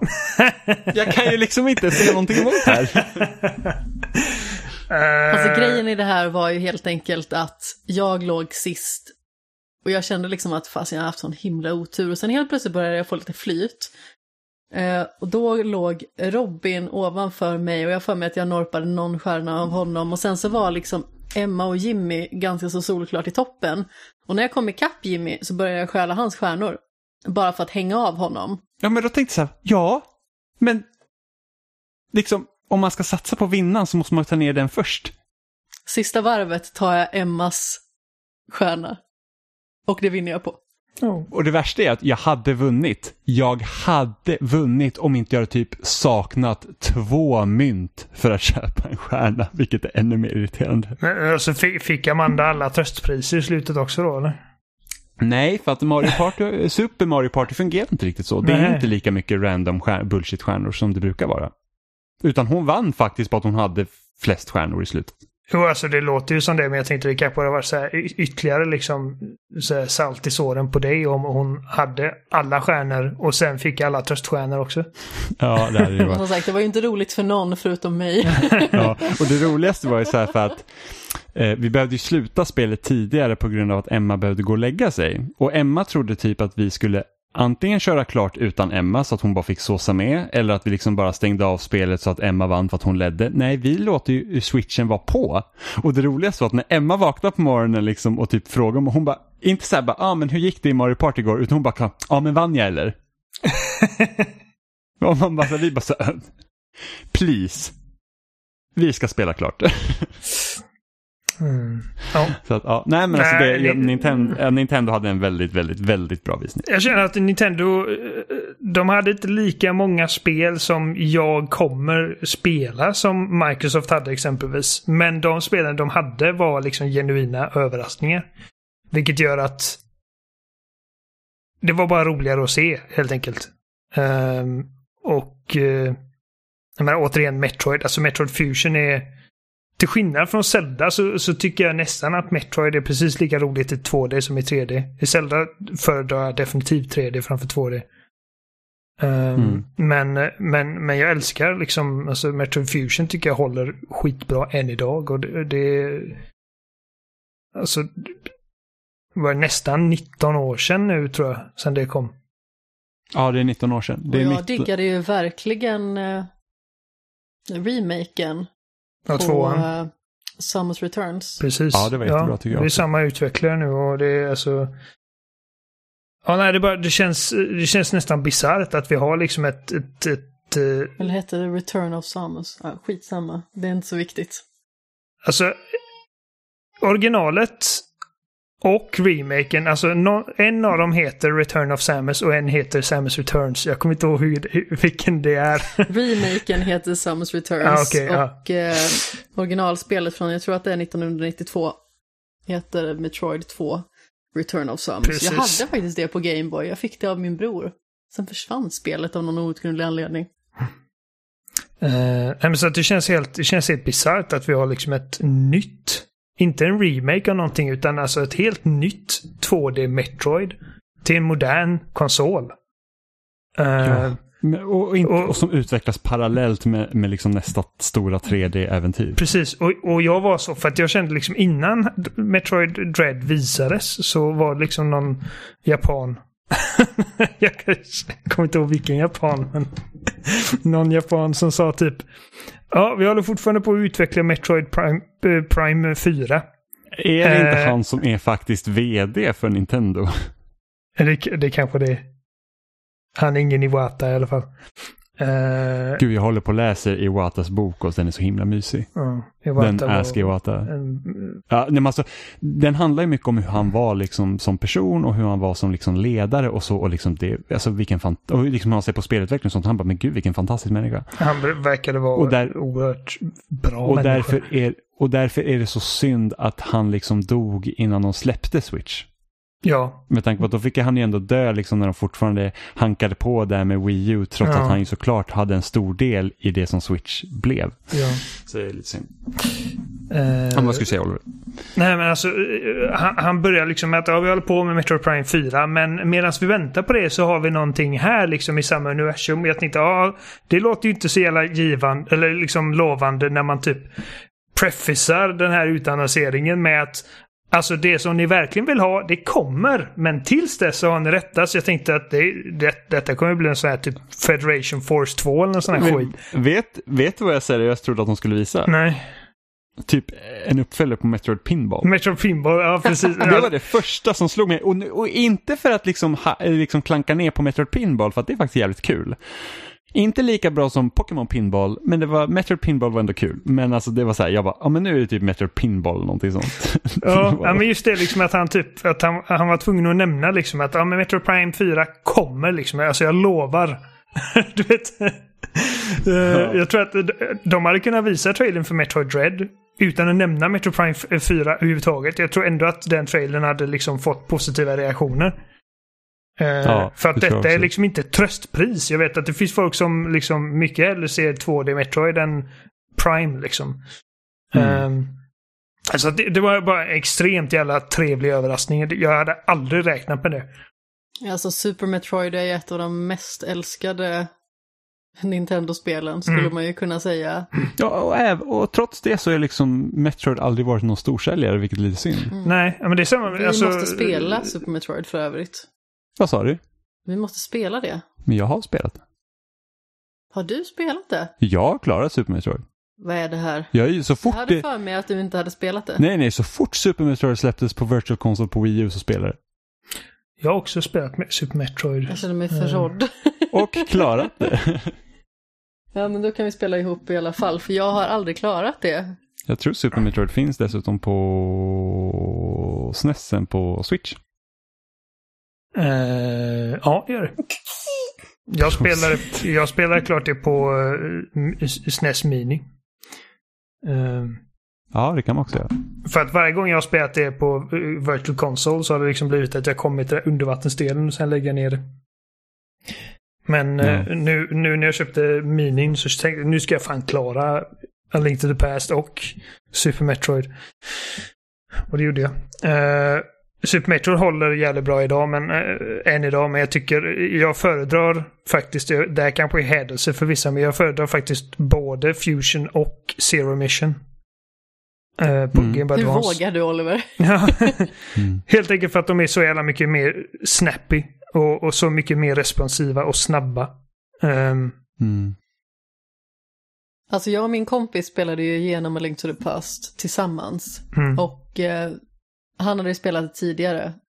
Så att eh, då hade jag liksom en väldigt bra guide igenom det och sen så skulle vi spela igenom Super Metroid också. Men jag för mig att det liksom hade varit en ganska så hård, lång jobbdag för mig eller någonting så jag däckade. Och sen har vi liksom inte tagit upp det spelandet. Mm. Tänk många gånger jag sett Amanda ha däckat bara sådär. Jag tycker sådana... Hennes, hennes, hennes små lurar. Jag tycker sådana spel är så lätta att liksom lägga ner och aldrig återvända till. För att när man väl startade, typ ifall jag har spelat typ Super Metroid och så går det en vecka och så startar jag upp det och jag står i ett random liksom save room någonstans och jag har liksom ingen inget direktiv om vart jag ska för att jag minns inte. Så blir det bara, nej men jag lägger ja. ner. Ja, det är lätt att göra det. Samma... Och speciellt, när det också, och speciellt i den liksom situationen så att det är ingen annan som helst spelare med dig heller. Det är inte som att det är det nya spelet som helt plötsligt släpptes som alla sitter och spelar. Precis. Då blir det så här, ja ja men då... Men det är därför jag tycker det är skönt att ta den typen av upplevelser ihop med någon. För att då är det ganska så skönt att man känner att men man kan ju liksom inte lägga ner. För att då kan man kanske göra den andra lite besviken. Så att då liksom drar man varandra i mål på något vis. För jag hade fått för mig att du inte hade klarat det Jimmy, vad besviken jag blir nu. Du har inget att svara på Jimmy eller? Nej. Nej, okej. Okay. Eh, vad tycker ni om eh, Nintendos eh, storslagna firande av Zeldas 35-årsdag? Alltså, alltså jag du... hade ju verkligen, alltså, det har ju varit så många liksom, typ, så här, rykten om att jo, men de har ett kombopaket på Wind Waker och Twilight Princess och att de också i alla fall släpps. Och det, och, och även om, har så här, det ryktet varit mest i ditt huvud? Nej, nej, nej, nej. Alltså, det har verkligen pratats om typ så här, alla så här, typ då, som så kallade insiders, är verkligen så här, jo men alltså det kommer också för att det är typ de sista Wii U-spelen. Och då börjar man ju undra och tro att de här personerna är så här fulla av skit bara för att Nintendo har liksom portat typ varenda andra Wii U-spel som finns. Jag är bara retfull Jag vet dig. att du är det. Mm. Uh, att, att uh, Nintendo har liksom portat varenda liksom Wii U-spel som har så bara, men det är liksom Liksom så här, en easy grab och säga att ja men såklart det är på väg. Och sen så Nintendo bara säger alltså, vi har ingenting annat planerat för, för Zelda-spel till Switch förutom Breath of the Wild 2. Och det blir så här, jaha. Min dröm hade ju ändå varit att de hade släppt liksom både 3DS, liksom remakesen av Ocarina of Time och Majora's Mask och de hade ändå liksom sett till att vi får Twilight Princess och eh, Wind Waker till Switchen också. Men eh, det ser inte ut att bli så. Så det är lite synd. Det enda, alltså det enda liksom ordentliga rykten jag har hört om det där, det är Skyward Sword och det har vi fått bekräftat nu så att... Nej, jag, jag, jag har även sett liksom att folk har sagt att det är ett kombopaket på, på Wind Waker. Eller, eller liksom, eh, om det inte är ett kombopaket men så att liksom Twilight Princess och Wind Waker också ska komma. Som, som blir portade till Wii U, att de också ska komma till Switch. När det nu ska hända, men, men liksom... Ja. Det, det så... kanske kommer någon gång, men det hade liksom varit en grej som de hade kunnat göra liksom också vid eh, eh, Zeldas 35-årsdag och sen vet vi inte om det har varit planerat och sen på grund av pandemin då sa man man att nej men det är ingen idé att lägga resurser på det för vi måste ändå få ut det till Skyward Sword som faktiskt liksom vi har annonserat och det ska komma och, och, och sen till Breath of the Wild 2. För att Skyward Sword, av döma liksom av den här Breath of the Wild 2-trailern så verkar ju ändå Skyward Sword det som händer i Skyward Sword verkar på något sätt ändå vara kopplat till Breath of the Wild 2 med tanke på att de nu verkar gå på någon grej av typ rymd. Ah! Eller inte rymdöar utan luftöarna liksom. Link med så här typ astronauthjälm på. Uh, nej, alltså det, det, är lätt att göra i alla fall de visuella kopplingarna. Om vi ska gå in nu då på Breath of the Wild 2-trailern som vi faktiskt fick. Som inte jag var helt övertygad om att vi skulle få. Alltså Link som liksom typ skydiver i princip från himlen. Och eh, så här, öar i, i himlen och grejer som, som Skyloft-liknande grejer. Alltså det, rent visuellt så påminner det ju om Skyward Sword. Sen om mm. de liksom ja, rent känns... lårmässigt faktiskt kommer dra paralleller, det är svårt att säga för att Zelda är Zelda och de är väldigt löst kopplade. Jo, fast det känns, ändå, det känns ändå lite som det med tanke på ett, hur, hur liksom de ändå var när de visade upp Skyward Sword i deras Nintendo Direkt så var det liksom så här att, ja men alltså, de två spelen delar DNA, inte bara, jo såklart spel, alltså mässigt också med att många idéer som finns i Skyward Sword även liksom gick över till Breath of the Wild, men liksom mm. Jag tror på något sätt, eftersom också att de hade de här luftöarna och det, att, liksom att det måste finnas någon större koppling där ändå. tror jag. Som att om man spelar Skyward Sword så kan man förstå vissa saker i Breath of the Wild 2. Jag, menar, jag såg eh, någon teori om att eh, eh, detta skulle vara någon form av liksom typ det var så här Skyloff uppstod men det funkar väl inte? Uh, Nej, eftersom detta är väl så långt mycket Skyward, efter. Uh, ja, eftersom Skyward Sword är först och ja. Breath of the Wild om inte jag minns helt fel så är det bekräftat att det ska vara typ sist i tidslinjen. Ja. Eller så pass långt fram från, från allt annat. Så att, så att liksom... Och det känns ganska givet att detta är efter Sky, äh, Breath of the Wild. Eftersom att det ser ut att vara samma Link ja, och samma Zelda. Men, men, det ser också uh, ut att finnas någon manipulation av tiden. Så att, ja, ja. jo, det är sant. Uh, jag såg ju också en teori om att det här kan vara det spelet som faktiskt bryter cykeln som startade då med Demise i Skyward Sword. Ja, det har varit intressant. Och att man också ska kunna spela, att, att den link vi ser som typ hoppar ner liksom som skydiver som har typ, har ju väldigt typ liknande kläder som man ser på typ alltså väggmålningarna i Breath of the Wild med de här typ lite mer rödflammiga håret och, och liksom den typen av kläder. Också teorier. Och någon har till och med till, drar så långt att man kanske till och med spelar som en ung Ganondorf. Får jag bara säga ja, det vet sånt, jag brukar, jag ändå aldrig, sånt brukar ändå aldrig stämma. Även om man kan få det att passa fint i en teori. Liksom. Men, men jag, jag som så många andra, alltså som jag vet, typ, jag vet inte om du är så förtjust i det och jag vet att Robin absolut inte är förtjust i det. Men jag kan ju tycka om när man hittar på sådana här liksom lore-teorier som ändå inte som kommer stämma i slutändan men som ändå passar bra. Det tycker jag är kul att läsa. Så, ja, men det är kul, det är om man kul nu spelar som en ung Ganondorf så ja. Ja, uh, så det är ändå kul. Och så, alltså, det vi såg av trailern, alltså, ifall man ska vara riktigt tråkig så är det ju mer Breath of the Wild. Verkar det som. Vilket jag är helt okej okay med egentligen. Så länge... Ja, men alltså så länge det liksom finns nytt material där. Just att, att det är liksom världen och stilen och eh, att det är liksom samma mokoblins och sånt, det stör mig inte. Um, jag... Eh, alltså eh, som sagt, ifall, ifall, man, ifall man skulle kunna få liksom lite mer traditionella dungeons och grejer så vore det asbra. Men jag känner att... Eh, jag vet inte hur, hur det här spelet... Jag har svårt att se att det här spelet skulle liksom bli dåligt. Eller att jag inte skulle gilla det eftersom att jag gillar eh, Breath of the Wild så mycket. Um, mm nästa år. Och jag, tycker, mm. jag tycker det ska bli kul att spela Skyward Sword igen. Alltså det, som... jag, tycker också, jag tycker också det och, och jag tror att anledningen till att de typ vill hålla tillbaka titeln på spelet och att de kanske liksom inte visar så mycket mer utöver det som vi redan känner till från Breath of the Wild så tror jag att de faktiskt har väldigt många liksom stora grejer som de kanske visar närmare launch eller kanske inte visar överhuvudtaget för en mm. launch. Mm. Så att, eh, jag hörde någonting om att tror de... Att vi, jag tror att vi kan bli överraskade. Jag, hörde någonting om, om, att de sa i en intervju att de undanhåller titeln. De har en titel men de undanhåller den just nu för att den hade typ spoilat vad det handlar om.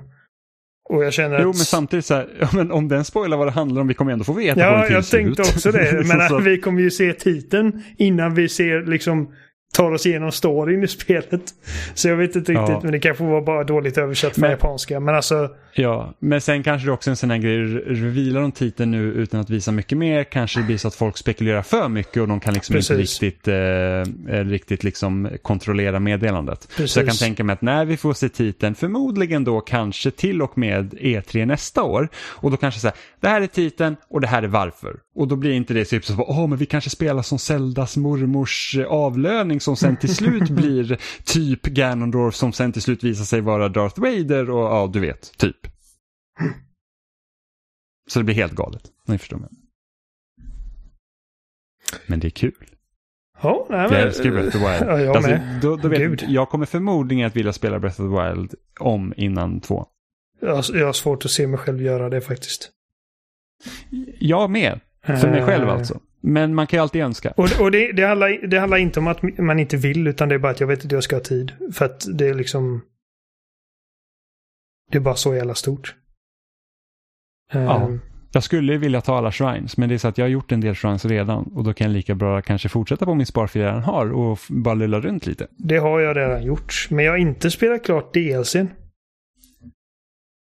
Jag har inte heller spelat DLC. Men jag äger den. Det gör inte jag. Uh, ska vi se. Ja, men, men, men ändå solid prestation av Nintendo. Uh, ja, alltså med, jag tyckte att typ, det var bara överraskningar och allt såg ganska kul ut så att jag är ganska nöjd. Så det, det, för att liksom, det är inte mycket av det de visade som är faktiskt, alltså, mång, de utannonserade många nya spel som släpps ganska snart. Från dem själva, vilket jag tyckte var ganska kul. Mm. Alltså, alltså som vanligt med Nintendo så blir det ofta liksom blir det en hel del här typ weeaboo anime bullshit som jag inte alls är intresserad av. Men jag vet att du har som inga typ problem med sånt. Mega... Nej, egentligen inte, men jag är heller typ inte intresserad av typ Shin Megami Tensei 5. Nej. Eller typ No More Heroes 3 eller något sånt. Uh, men ja, alltså. Jag vet inte, jag tror inte att det... Vi har väl gått igenom allt det intressanta, förutom Elden Ring. Ja, i, innan vi pratar om Eldring som egentligen inte tekniskt sett hänger ihop riktigt med E3 och inte heller det spelet som jag faktiskt tänker fråga dig om härnäst och det är bara så här, vad tycker du om Battlefield 2042? Ja, um, det ser kul ut. Amanda, du hade inte någonting kvar från Nintendo som du vill prata om? Nej. Så att jag inte bara hoppar över dig. Jo, nu känner jag mig utesluten ja, så, vad, så vad vill du mer prata om Nintendo? Inget. Nej. Nej, men visst, visst ser det kul ut. Alltså, jag är glad att de kommer till modern krigsföring igen. Ja. Jag, jag, jag bara, åh, ge mig tanks, ge mig helikoptrar, ge mig jets. Det är nice. Precis. Uh... Istället för att jag ska köra runt som någon skolåda i Battlefield 1 som var typ OP eller att man kör någon konstighet i Battlefield 5 som ändå ingen folk kan reparera. Så att ge mig, ge mig Battlefield 2042 så jag kan spela modern krigsföring. Och med bort, bortsett från typ robothundarna så, är, så har jag inte sett någonting som känns för sci-fi liksom heller. Uh, så det, jag, jag tycker, det ser ut som en liksom uppföljare på Battlefield 4 i princip. Som i sin tur var Battlefield 3. Och eh, jag ja. tycker det ska bli jävligt cool. cool. Jag, jag, är, jag är väldigt liksom försiktig, eller vad ska man säga? Lite skeptisk mot att, att de har liksom har typ slopat klassystemet för typ, uh, ska man säga, heroes eller operators eller specialists. Ja, ja, jag är lite trött på den typen att vi ska liksom typ då spela som personer. Ja, och de har sina typ, uh, ska man säga, zany personligheter och typ Ja. Ja, jag hade ju hellre haft att de hade gått ännu mer snävare in, in på klasser. Att nu jävlar, nu spelar du Medic och nu spelar du Engineer. Hela din jävla tank, din mupp. Ungefär så hade jag velat att de skulle göra. Ja. Men eh, i, i praktiken kan det ju se helt annorlunda ut än vad du och jag föreställer oss, liksom bara baserat på den här informationen. Um, ja, jo såklart. Men folk så, har liksom inte riktigt hela tanks sen Battlefield 4 heller. Nej. Knappt då. Jag vet inte, jag, jag, alltså... Battlefield, Battlefield 3 var, var, folk ganska duktiga på det, men inte, inte sen dess. Jag gillar att det är det du hänger upp dig på. Ja, men alltså jag hoppar jag in i en tank så kan jag också räkna med att någon li liten eh, glad, lynt person springer runt med sin blåslampa och kan liksom dra den längs min tank så jag får lite mer HP. Det är det enda jag vill ha folk, så att jag kan köra min tank. Så ja. djupt besviken. Ja, det är jag. Nej, vi får se. Alltså det, det, det, liksom, det kanske är att de märker att eh, ja, men klassystemet fungerar inte längre. Eller eh, att det inte är liksom... De kanske tittar på varför det är så, liksom att folk inte kör jo, engineers har... längre och, och försöker tänka om hur ja. man ramar in de olika rollerna. Jo, så är det ju, men samtidigt har de inte kört riktigt liksom, alltså varje gång de har börjat med ett nytt Battlefield så har det varit så här, ja men du behöver inte köra som den gamla klassen utan du kan göra den lite som du vill. Alltså senaste gången vi hade en liksom vettig engineer är Battlefield 3. Ja, jag tror att det är därför som, som Bad Company 2 är min peak Battlefield, för att det var liksom, det var simpelt och bare bones och det liksom, du, det var inte massa jävla krimskrams på varje klass utan klasserna hade sina liksom väldigt specifika uppgifter. Du kan inte ha mm. att, med, typ i den senaste, att man kan liksom som engineer eller vad det nu är kan man byta ut sina liksom uh, repair tools till annan skit. Um, mm. Vilket, jag, Sen, jag kommer inte ihåg ifall man kunde det i trean, men i Bad Company 2 kunde man absolut inte det. Mm. Sen, sen, vet inte jag hur förtjust jag är i det här med att man ska kunna vara 128 spelare på planen heller. För att visst, det var, det var ju roligare att spela Conquest när det var 64 spelare. Men det brukade också bli väldigt, väldigt jobbigt där det var mycket infanteri. För att det var så mycket folk. Allt, och så hund... allt det där hänger ju helt och hållet på bandesign. Uh... så är det också. Men liksom 128 spelare och sen så kanske de har ett litet torn mitt på banan. Och så man så här, det, är det, som är, det är det som är risken då. Liksom, man har så många spelare att då får man fan ha bandesign som gör liksom att det sprids ut. Att man inte har ja. en hotspot på varje bana. Um... Nej, och sen så kan det ändå vara så att folk drar sig dit för att, för att liksom typ, jag vet att i, i ett kod där de hade någon typ, någonting som skulle typ efterapa eh, Conquest i Battlefield. Jag tror inte det var Modern Warfare, jag tror det var det innan. Kan det ha varit, nej det måste ha varit Modern Warfare. Ja, det var Modern Det var innan Wars. Ja, det, ja, och då var det ju så typ att... Warzone kom ju inte mycket... med, alltså det, det premiär släpptes inte med Modern Warfare, det kom ju senare. Ja, men vad bra. Så bra. Att, då, är det bara det... jag som har, då är det bara jag som har konstig tidslinje. Ja, vad ja. bra. Eh, alltså Modern Warfare, det, det, senaste Modern Warfare. Precis. Kom inte Warzone med det senaste Modern Warfare? Det kom, alltså, det kom till det, men det kom inte på launch med Modern Warfare. Nej, okej, okay, ja, men då så. Då, då hänger jag med. då, så då det, det, du tänker på är eh, vad det stora läget de hade på launch. Som, Ah, Okej, okay. ja men vad bra. Och där var det ju verkligen så att alla var typ på samma plats och det var helt galet. Jag, I'll take your word for it för att jag spelar knappt det. Så att jag uh, har ingen aning om hur det var egentligen. Mm. Um, men vi, alltså, vi får se. Jag, jag vill också säga att jag, jag känner inte att uh, hade du frågat mig för typ ett år sedan om vad Battlefield behöver för att känna, liksom, för att kännas hett igen så hade jag inte sagt att dubbla spelarantalet. Uh, Nej, alltså, jag hade ju gärna sett att de hade haft eh, tre lag istället. I en stor conquest-bana om man ska ha så många spelare. Och det är mycket möjligt att de har testat det och inte fått det att funka. Oh. Men det hade jag tyckt var ganska spännande. Ta Conquest 128 spelare, tre lag. Vad, vad hade det gjort med Battlefield? Det hade varit ganska spännande tycker jag. Mm. Alltså, för, mig, för mig så hade det handlat om att liksom gå back to basics. Liksom bara slänga ut all, all överflödig skit. Och eh, bara liksom ge mig fyra klasser som alla har specifika användningsområden och sen tvinga in dem, folk i de rollerna. Istället för att liksom alla, alla klasser ska kunna spela alla former av infanteri. Um, men alltså, eh, 2042 ser kul ut. Eh, alltså, det såg rätt coolt ut. Man kunde typ eh, enterhaka sig upp på en stor kran och plocka äcklig sniper som ligger och häckar där. Tänk vad tillfredsställande det kommer bli när man har liksom någon så här squad av äckelsnipers som har typ stört den hela matchen. Så bara kommer man flyga upp och karate sparka ner dem från den. Um, tycker att uh, Alltså det här med stormarna. Det är svårt att säga hur, hur, hur väl det kommer funka i praktiken. Liksom, det ser coolt ut, liksom, det är ett spektakel. Um, wingsuits verkar coolt. Uh, alltså den enskilt största grejen som, som, som jag känner är Oh my god, ja, det här, det här är coolt. Det är att de har liksom on the fly bara attachment switching alla crisis där du liksom får upp ett interface i princip där du bara liksom hur enkelt som helst kan byta från liksom ett, ett kikarsikte till en red dot site och från en förlängd eh, liksom barrel till en ljuddämpare eller vad det nu kan vara. Uh, mm. Och då hoppas jag inte att de har så i otroligt mycket attachment heller. Att då kanske du bara har liksom välj mellan fyra sikten. Kanske och så välj kan kanske mellan två eller tre andra så att det inte är så mycket.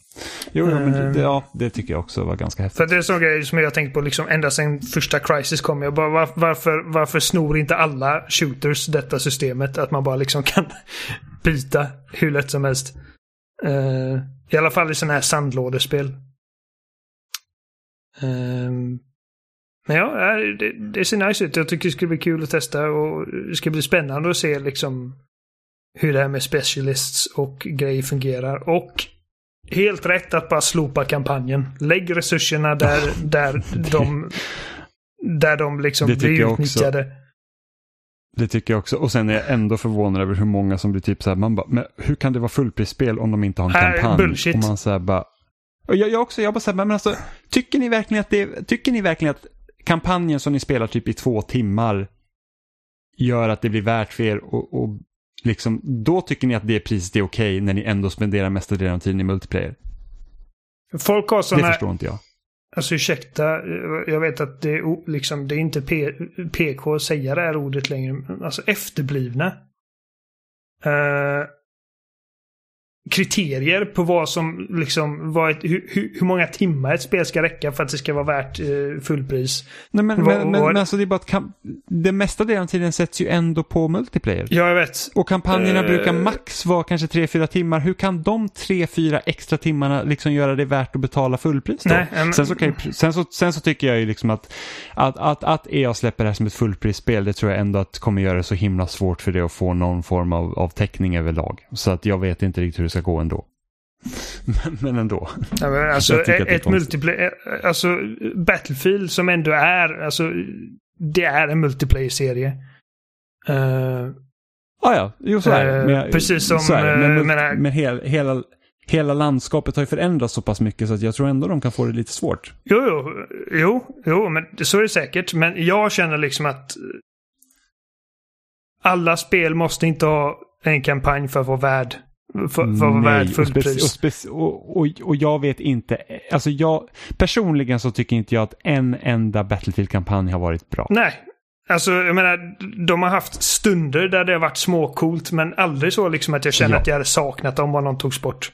Nej. Och för mig... Och jag tyckte inte, och jag tyckte inte om Bad Company-kampanjerna heller. Nej, jag, menar, jag hade Jag klarat vet- mig utan dem. Alltså, jag känner liksom att alltså, kampanjer är fan svindyra att göra. Så att, alltså, Ja. lägg de resurserna på multiplayer-läget istället. Där, där, liksom, där det ändå känns som att era hjärtan ligger. Ehm, Och de hade en idé med de War Stories de gjorde för Battlefield 1 och 5, men de lyckades ändå inte riktigt släppa känslan av att det är mer som en multiplayer tutorial. Så att, nej. Och jag tror att, alltså, jag tror bara för att det är liksom hela, hela liksom grundarbetet som, som de här spelen står på är liksom så djupt rotade i multiplayer-spel att liksom det... Skit i det. Alltså... Skit i det. Gör, vad ni gör. Alltså, de här, det är samma som... Jag ser ingen klaga på spel eh, som saknar multiplayer-lägen när det kommer till... Var, varför ska det vara... Varför ska det vara annorlunda? Liksom, varför är det helt okej att köpa ett spel som bara är en kampanj och ingen multiplayer? För ja, fullpris. fast jag, har sett att folk, jag såg att folk klagade lite på det också under typ 360 PS3. Ja, har ingen multiplayer, då köper jag inte. Ja...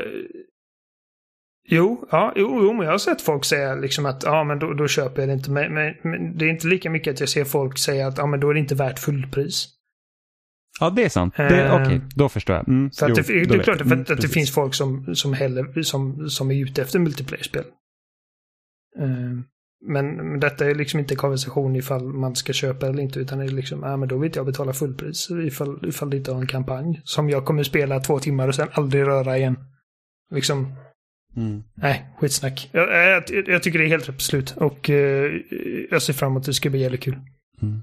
Är det 2042 vi får in Amanda på Battlefield? Var det en fråga till mig? Ja. Nej, Ja, kanske det det. var en fråga Ja. till mig, för att det är jag som bestämmer. Ifall du ska Ja, spela. Men alltså, jag trodde nästan att det var en fråga Ja, till dig. Oliver, Oliver, får vi in Amanda på 2042? Ja, men det var lite så jag trodde att frågan ställdes. Okej, Amanda. Får vi in Amanda på 2042 med Battlefield? Vänta, jag ska bara höra med Amanda. Ja, bra Amanda. För att vi fick ju in Emma på Battlefield med Battlefield 4. Mm. Var, Vi var, inte jättesnälla, vi var inte jättesnälla mot Emma som vi gick runt och jagade med kniven. Vi hoppades på att hamna på olika lag och sen sprang vi och jagade Emma med kniven och typ körde hajen-temat i högtalaren. Men Emma var väl var ingen så här liksom shooter-fantast innan Battlefield? Väl? Mm, nej, nej, inte, Nej. nej. Jag har faktiskt spelat tror- lite på femman. Ja. Och nu kommer du få spela massor på 2042. Det som är nice Kul. Men du med, kommer, få, du kommer få köpa det på Xbox. men det som är nice med Amanda, Battlefield... Amanda har ingen Series X heller. Hmm. Jag har inte det crossplay där. Nej, eftersom det, det, det kommer... Det är inte samma spel. Nej, men om hon på PS5. Ja, just det. Det kanske har crossplay. Ja, men då så. Det, det är löst. Um, men det som är bra med liksom Battlefield för, för liksom folk som kanske inte är liksom världens bästa liksom shooter eller första persons skjutare är att det finns roller som, som, som supportrollen eller ingenjörrollen eller healerrollen som inte är liksom att åh, nu måste jag liksom dra headshot på headshot på headshot. Uh, du kan bli typ MVP ifall du är en bra tankhealare exempelvis. Mm. Och mm. ja, men det är det, lite det som är tjusningen med Battlefield. Att du, liksom, det finns så många olika roller du kan ta i varje given match. Liksom, att det, det, blir, det, det, det blir sällan tråkigt och att du känner att du kör samma match om och om igen. Mm. Ja, det blir nice. Ja, vi måste ju vi måste röra vid Elner Ring. det är ja. bara så. Uh... Det var på Jeff Keely skrev va? Ja. Och den tillhörde alltså inte E3-paraplyt? Nej. Nej, okej. Okay. Uh, eh, det gjorde inte Battlefield egentligen heller. Nej men, nej, men det var ju på Microsofts... Uh... Det var det faktiskt. Det var det faktiskt. Så sparka mig i röven. Som vi faktiskt fick se lite gameplay-grejer. Um, Nej, men det, det, det, det, kändes ändå som att det var nästan startskottet på EA-säsongen, även, eller EA, E3-säsongen. Även om det inte ja. då tekniskt sett var E3.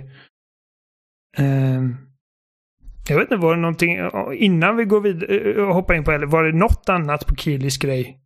Jag vet att Någonting som jag blev lite irriterad på var, utan att säga Death Stranding, uh, Death Stranding Directors Cut. Jag bara, vad fan, var inte han director på det första spelet eller? Vadå Directors Cut? Ja, eller hur? Vem, vem var det som sa till Kojima att hans 50 timmar långa spel inte kunde typ vara 80? Eller hur? Va, va, alltså, va, va, va, va, va, vilka visioner var han tvungen att klippa bort från det första spelet? Liksom, var inte, alltså, vilket bullshit. Det var kanske Sony som bara, Amazon, ni måste släppa Death Stranding. Ja, jag vet inte. ja, jag vet. Men det, det var också så här, var, hur, hur kan man liksom säga typ att ett 50 timmars långt spel behöver en Directors Cut så det blir lite längre? jag har ju, jag har ju liksom lovat mig, så alltså, eller satt det som liksom en restriktion på mig att if, ifall jag inte har någonting snällt att säga på sociala medier så ska jag inte säga någonting alls. Um, men alltså, jag var så, jag hade sån jävla lust att liksom skriva typ och Death Stranding Directors Cut now with gameplay. Men alltså jag, jag höll mig tillbaka för att uh, ja, jag vill inte vara den som är bara otrevlig. Fast man spelar ju faktiskt ganska mycket i Death Stranding. Man, uh, jo, jo alltså, man gör ju man, det. Man, alltså, det man liksom... rör sig från punkt A till B. Ja, som och, typ i alla andra spel. Ja, fast jag tyckte Death Stranding, alltså spelmässigt tyckte jag det var rätt kul. Jag vet inte. Alltså Death Stranding, jag tycker bara det, det är både eh, helt fantastiskt och helt ruttet. Jag, jag, jag, kan verkligen inte... Jag kan verkligen inte landa på en åsikt om det spelet. Det är liksom, jag har två, liksom, duality of man, liksom att jag har typ två åsikter om det spelet och de kan inte riktigt gifta sig. Ja, jag, jag, tycker ändå, jag tycker ändå att det var liksom väldigt roligt att eh, vi fick typ ett eh, trippel A liksom walking simulator. Jag tycker det var jo, jag håller med. Men sen så är det liksom, jag, jag, jag blir nästan provocerad när jag ser folk säga att storyn var bra i det spelet. Jag bara...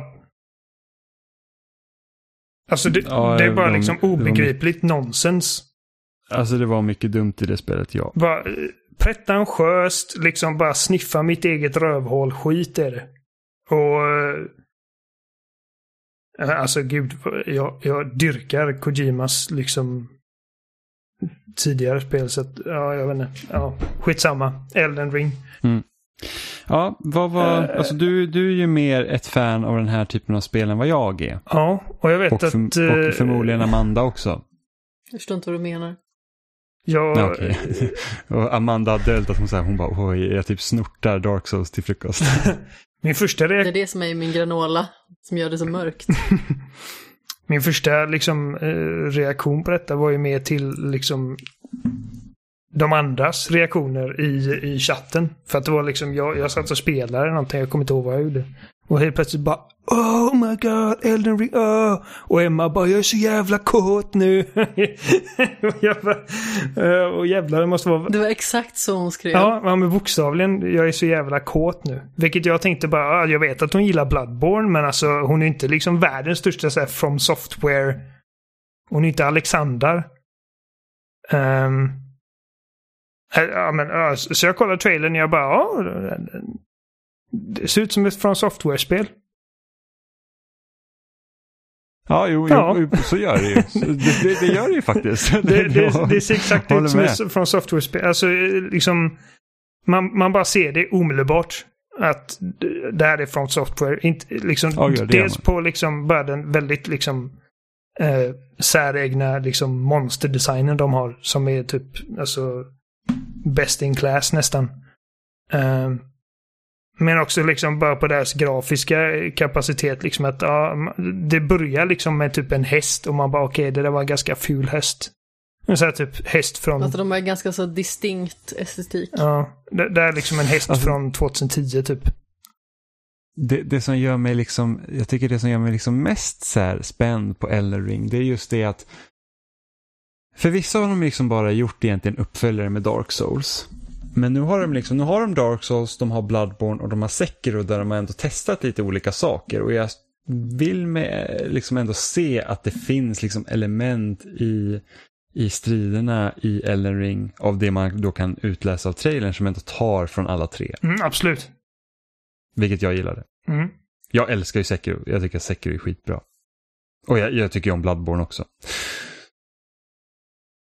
Ja, ja. Alltså, ja, för, för, mig, för mig är det, alltså Bloodborne är deras bästa. Och sen Sekiro. Um, och sen kommer Dark Souls. Uh, men uh, jag håller med. Och, och så, som sagt, det, det, är liksom inte bara masterdesign utan även liksom man ser typ i animationsarbetet och, och alla de här grejerna att det, liksom, det, det bara skriker från software om det. Och uh, det ser bra ut. Och jag tror att hade det varit liksom vilken annan typ studio som helst, så bara det här med att det ska vara open world hade gjort mig jävligt avtänd. Men From Software Open World det kan bli coolt, alltså det kan bli spännande. Det var samma som när man hörde liksom att Breath of the Wild var Open World. Det var liksom inte att man var orolig att det skulle bli exakt som Ubisoft-stilen. Eh, Förstår du vad jag menar? Alltså, mm. Eh, eh, ja, är jag helt ute och cyklar? För om, om man liksom tänker så här, när Sony utannonserar att ja, vi håller på med spel, det är open world, så vet man att okej, okay, det är Ubisoft. För att ja. Horizon är Ubisoft, Days Gone är Ubisoft och... Ja, men precis. Och vad heter det? Ghost of Tsushima Ubisoft. Det är snyggare, men det är fortfarande Ubisoft. Ja, men precis. Det, det går liksom den ganska etablerade open world-modellen mm. som många kör med. Vilket, jag, jag känner inte att det är någonting vi måste, behöver nödvändigtvis vara oroliga för när det kommer till Elden Ring. Nej, nej, det tror inte jag heller. För att, liksom, dels för att det liksom inte är en västerländsk utvecklare. Det känns som att uh, det är liksom den västerländska open world-grejen. Uh, som är så uttjatad att liksom, ja, jag vet inte. För att, eh, jag menar, Nintendo försöker sig på en open world för en gångs skull och de bara typ krossar alla. Uh, så jag tror att det kan bli någon liknande grej här, liksom att, att, att den öppna världen inte bara är liksom en karta full med ikoner på för oss att beta av. Mm. Nej, det kommer inte vara. Så, jag tror att jag såg någon intervju någonstans, eller, liksom, eller citat från en intervju någonstans som att det är som en hubbvärld. Som är en öppen värld och sen så kommer man liksom ledas in på mer liksom, alltså mer tajtare designade liksom banor som, som man är van mm. vid i, typ Sekiro eller Bloodborne eller Dark Souls. Mm. Och du kan välja helt vilken ordning du vill ta de här delarna i. Mm. Och det är sexigt. Um, Och liksom spökhäst. Nu menar rätt coolt att man kan liksom frammana hästen när man vill och typ rida runt och... Och du ska kunna spela spelet i co-op också.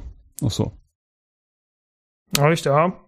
Mm, deras multiplayer Men du kan inte rida häst i, i multiplayer.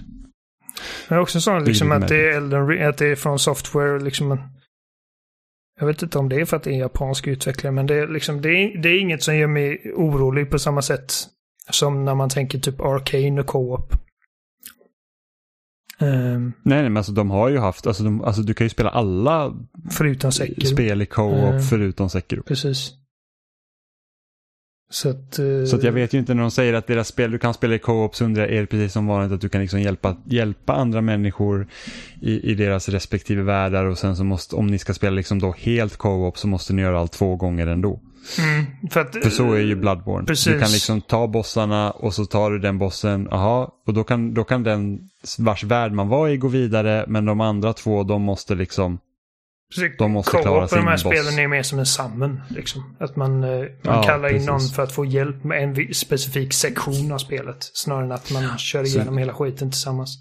Precis. Och så får vi se hur de gör då i Elden Ring. Men det jag, det jag också ser fram emot är George R.R. Martin som har hjälpt till liksom att skapa världen i det här spelet och att då verkar det vara som att det är liksom lite mer, det är inte lika diffust som kanske Dark Souls eller Bloodborne var, utan det är lite mer rätt fram. Och det var ju Sekiro också. Det var ju också lite, något som jag ändå vill säga att det var väldigt poetiskt men det var fortfarande liksom lättare att hänga med i. Jo, om man vill. Ja. George R. Martins starka sida är ju verkligen världsbygge kan man ju lugnt säga.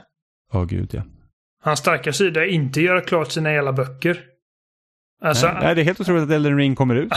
liksom. Han har tid. Han har ett finger med i spelet och man bara wow.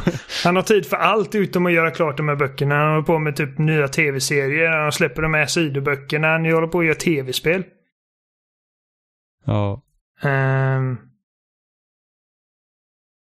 Ja, nej. nej. men det ska bli intressant att se liksom ifall, det ens går, ifall man ens märker det när man spelar spelet. Att, att uh, vi har liksom en västerländsk typ fantasyförfattare som har skrivit backstory alltså, om man ska eller om man ska säga. Så jag, ska, nej, jag, jag, tror, jag, tror, jag, tror faktiskt, jag tror faktiskt inte att det liksom så här bara, ah, jag tror fortfarande att det kommer väldigt mycket eh, from software, liksom deras grej. Jag tror att det kommer vara mer subtilt än vad man kanske kan tänka sig när man liksom hör ett så stort namn. Mm. Men jag tror ändå att man kommer ju se ganska så tydliga kon av vad han liksom kan frambringa. Ja, jag vet inte, för att jag tänkte liksom alltså från, från Software har inte haft några problem med att liksom med att skriva liksom spännande backstory själva. Bara att de inte liksom gör det lättillgängligt. Ja, men jag, jag tror att det är just det jag tror just det att det kan vara att, av, av, av, den anledningen att det blir mer, det blir lättare att se den här gången. Att det blir kanske lite mer lättillgängligt, det kanske blir lite mer rakt på. Mm.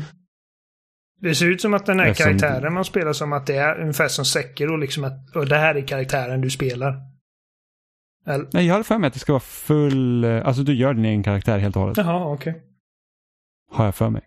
Att jag har läst. Mm. Så att det är liksom, det, och du ska ju kunna liksom pilla i klasser och sånt igen som, som avsaknades i Sekiro. Nice. Eller jag saknar ja, inte det, det ska... i Sekiro men ja. ja det, det, ska bli kul. Det, det är kul att kunna vara liksom med i de här spelen när de släpps. Alltså jag, i och för sig, jag var ju med när Dark Souls släpptes också men det var bara det att alldeles för svårt och det kördes verkligen som skit oh, på 360 så det gjorde redan att man var ganska otaggad. Herregud. Men jag tog, men jag tog mig igenom Demon Souls. Mm. Och, och, det, och, det, var något som slog mig nu eh, häromdagen var ju det att tack vare att en person dödade mig i Demon Souls så, så, så, så gjorde det att min speltid blev tio timmar längre. Vadå, en invader? en invader dödade mig och det gjorde att min spelsession tog tio timmar längre för att jag satt fast så länge på den världen. Sen. Åh gud. Mm. Ja, då... För att min, min, min, min, eh, min, min world state blev dark. Åh, oh, spännande. Det är kul. Alltså, det, är, det är ingenting han kommer, han kommer tänka på. Men det har ändå varit coolt, liksom, kan jag tänka mig för han. Liksom att tänka, åh, jag hade en enorm påverkan på den här människans, liksom, ja, spelupplevelse. Det vet jag förmodligen inte. Den där personen bara sen när han stod utanför bossrummet bara hehehe, jag fick döda en jävel mm. och han liksom satt, ah, inte bara det, han tänkte ah, ja men han kommer hit sen igen liksom och då. Här är något att sätta på min CV. Ja ah, nej, då, då tio timmar längre tog det, jävlar vad svårt det var. Det var det där jävla regniga slottet när det ja, typ man, ja. med massa skelett. Ah fy fan alltså. Det var min favoritvärld. Då var du inte bara nöjd alltså. Var det din favoritvärld? Mm. Det var den jag hade roligast med. Ja. Där, där fick jag sitta länge. Men det gjorde också att det blev bättre på spelet och sen så typ efter det så tog jag typ nästan alla bossar på första försöket. Ja, det är liksom det typiska det här typ eldprovet som man ofta finner i, i de här spelen vid något tillfälle. Ja, fast det fanns ju inte, jag tyckte inte riktigt att det fanns i Demon's Souls på det sättet. Alltså enda anledningen till att det blev så för mig, det var ju för att den här personen dödade mig. Ja, jo, men det, det blev ett eldprov. jo, men, men det blev liksom inte så här, åh, ta över med den här, alltså, gud, jag var så, ah, jag var så ledsen med Demon's Souls, det var många gånger jag bara, jag är för dålig. Ja, du gick runt och ynkade här i lägenheten och bara så här, jag vill spela men jag är så dålig. Det som är grejen är att man är inte för dålig, det är bara att man behöver ta en paus och liksom, man säger, sadla om. Jag tycker ändå det roligaste är att du förintade den sista bossen med fismolnet. Ja, ja, ja jag, jag kisade den totalt. Jag såg till att ha poison och så stod jag bara där och, och förgiftade honom och sen så stod jag still medan han stod med ryggen åt mig och så dog han. Jag kisade honom totalt ja. och jag är stolt. Ja, men det, är, alltså, det är legit taktik. Eller när Amanda rapade i takt med musiken omedvetet. man stod där i bossen så hörde man så här kören bara så här helt på mass bara Åh! Och sen kom Amanda. Och fyllde i och man bara aha. Kul. Vad spelade jag ens? Jag minns inte vad du spelade vid det här tillfället. eh, men... Det räcker det va? Bästa, Nej, bästa spelet på E3. Ja. Eh. Bästa spelet på E3. Det behöver inte, vi har, vi har, liksom, vad, vad var det ni är mest glada över att se? Jag var helt säker på att du skulle säga, men ni hittar oss på, ja. ja, det är nästan så. Uh, säg du först, jag, jag, måste tänka en sekund. Amanda, bästa spelet på E3. Men inte jag. Jo, jag tänker inte vara först när jag skickar ut frågan. Alltså jag vet verkligen inte. Jag känner nog inte att det var någonting som jag liksom så här hoppade upp och jublade för enormt. Jag får nog nästan säga Mario plus Rabbids Spark of Hope då. Ja. Oliver? Ja, för mig, alltså jag vet när man snackar typ så Game of the Show så snackar man ofta om liksom det spelet som hade bäst visning liksom. Eller mest, alltså. För mig handlar det inte lika mycket om det utan det är att alltså. Eh, om, om, av alla spel som, som fanns på E3. Det som jag mest känner att ja, det där vill jag spela nu. Jag vill ha det där spelet nu. Så är det Halo Infinite. Ja, ah, okej. Okay. Ah. Bara för att jag, jag, är bara så jävla sugen på att få se liksom hur den serien eh, har utvecklats nu när de faktiskt försöker liksom ge det en ny start. Eh, just det, Metroid Dread. Metroid Dread var eh, lätt liksom, det, liksom bara det gladaste ögonblicket för mig. Alltså den roligaste utannonseringen. Ja. Um, ja. Så ja, tvådelat svar där. Ja. Och så se. Ja, Advance Wars. Utan tvekan. Det hade du inte räknat med alltså? Nej, gud, nej, gud, nej. Jag, jag, jag, jag skrev, när vi skrev så här pepp på typ loading våra texter så skrev jag så här, ja ah, men typ, eh, jag vill se ett nytt Advance Wars, det har gått så jävla lång tid nu, det är dags nu Nintendo. Och sen typ skrev jag något så här typ att, ja, något om Metroid Prime tror jag. Men, och sen så tog jag så här, men liksom min, min Advance Force-grej där, den var ju liksom bara så tang i kik. Liksom, att jag var så här, ja men det kommer ju liksom aldrig hända. Och jag tror jag sa det också i podden här när vi hade Douglas med oss. Jag bara, men Advance Force vill jag se. Men det, liksom, det ser jag alltid, varje år, Advance Force. Och så bara, what? Nu var det inte ett nytt spel, det var en remake. Så att, så att, men ändå. I den texten så nämnde jag faktiskt Mario plus Rabbids. Ja. Och jag nämnde också Fire Emblem. Så ja. jag ville ha Nintendo-strategi. Mm, men du nämnde också Mario Rabbids här i podden. Det gjorde jag. Så att, att remake Advance Wars, är det ett helt nytt spel så tror jag, då måste jag också nästan säga Metro Dread. Och sen så finns det ju flera spel som vi liksom har nämnt som vi inte riktigt har liksom tagit upp här, men typ Somerville från Microsofts konferens var ju liksom jättespännande. Som det är från no några eh, utvecklare från eh, Playdead som har gjort en egen studio som utvecklar Somerville. Det, var, det är det alltså, för att när jag såg, när jag såg trailern, mm. jag bara alltså detta måste vara Playdeads nya spel. Det ser exakt ut som Inside. Också, jag trodde också det var Playdead, men det är inte Playdead. Eh, Playdead gör ett spel som är typ, det ska typ vara någon form av sci-fi. Mm. Som jag inte riktigt minns vad det är, men det är liksom, det är deras stil. De visar väl någon bild. Men Somerville, Ja, precis. Men Somerville liksom, är, ser fram emot och sen, sen, det som jag trodde först var The Last ja, Night som replaced. heter Replaced. Så att... Uh, men det var också sån grej, bara, ja uh, men detta måste vara Last Night. Uh. Ja, nej, jag, jag har ju kollat på, jag gick in på The Last Nights hemsida och det spelet, alltså det ser helt stört ut. Ja, det, det ser alltså ännu större ut nu än vad det gjorde när ja, de visade första gången. Det, det, det är otroligt snyggt. Alltså det är liksom, ja, wow, det, det, är helt, det ser helt fantastiskt snyggt ut. Eh, sen så är det synd då att utvecklaren, eller ja, huvudmannen för det spelet var i alla fall då en Gamergator, så att vi får se. Just det, det var det spelet. Mm. Jag tänkte nästan att det var det. Japp. Så det, det är lite synd. Så att premissen för The Last Night, alltså när demot gjordes liksom i någon sån game jam så var ju det typ att feminismen har tagit över världen och det har blivit dystopiskt. ja, precis. kan vi skratta. Sen så kan man ju hoppas att det inte är så sen. för att... Det, alltså fan. Var inte det typ fyra år sedan det visades? Vad sa du? Var inte det typ för fyra år sedan det visades? Ja, precis. Och sen så tror Game Jam-spelet är från typ 2015. 2014. Man kan bara höra liksom typ den här typ eh, så här edgy, liksom grizzly, typ noir-detektiven som typ eh, klagar på bara åh, åh, när de tog över. Livet var så ja, aldrig... Om kvinnorna får för mycket makt då kommer männen dö ut. Det är så synd att vi det, inte får misshandla Det dröjde inte länge innan vi var tvungna att ha våra pronomen på våra jackor. Åh oh, gud, vad töntigt. ja, du tänker typ så här typ att ja, men typ männen måste gå på vänster sida, männen måste gå längst bak i bussen. Precis.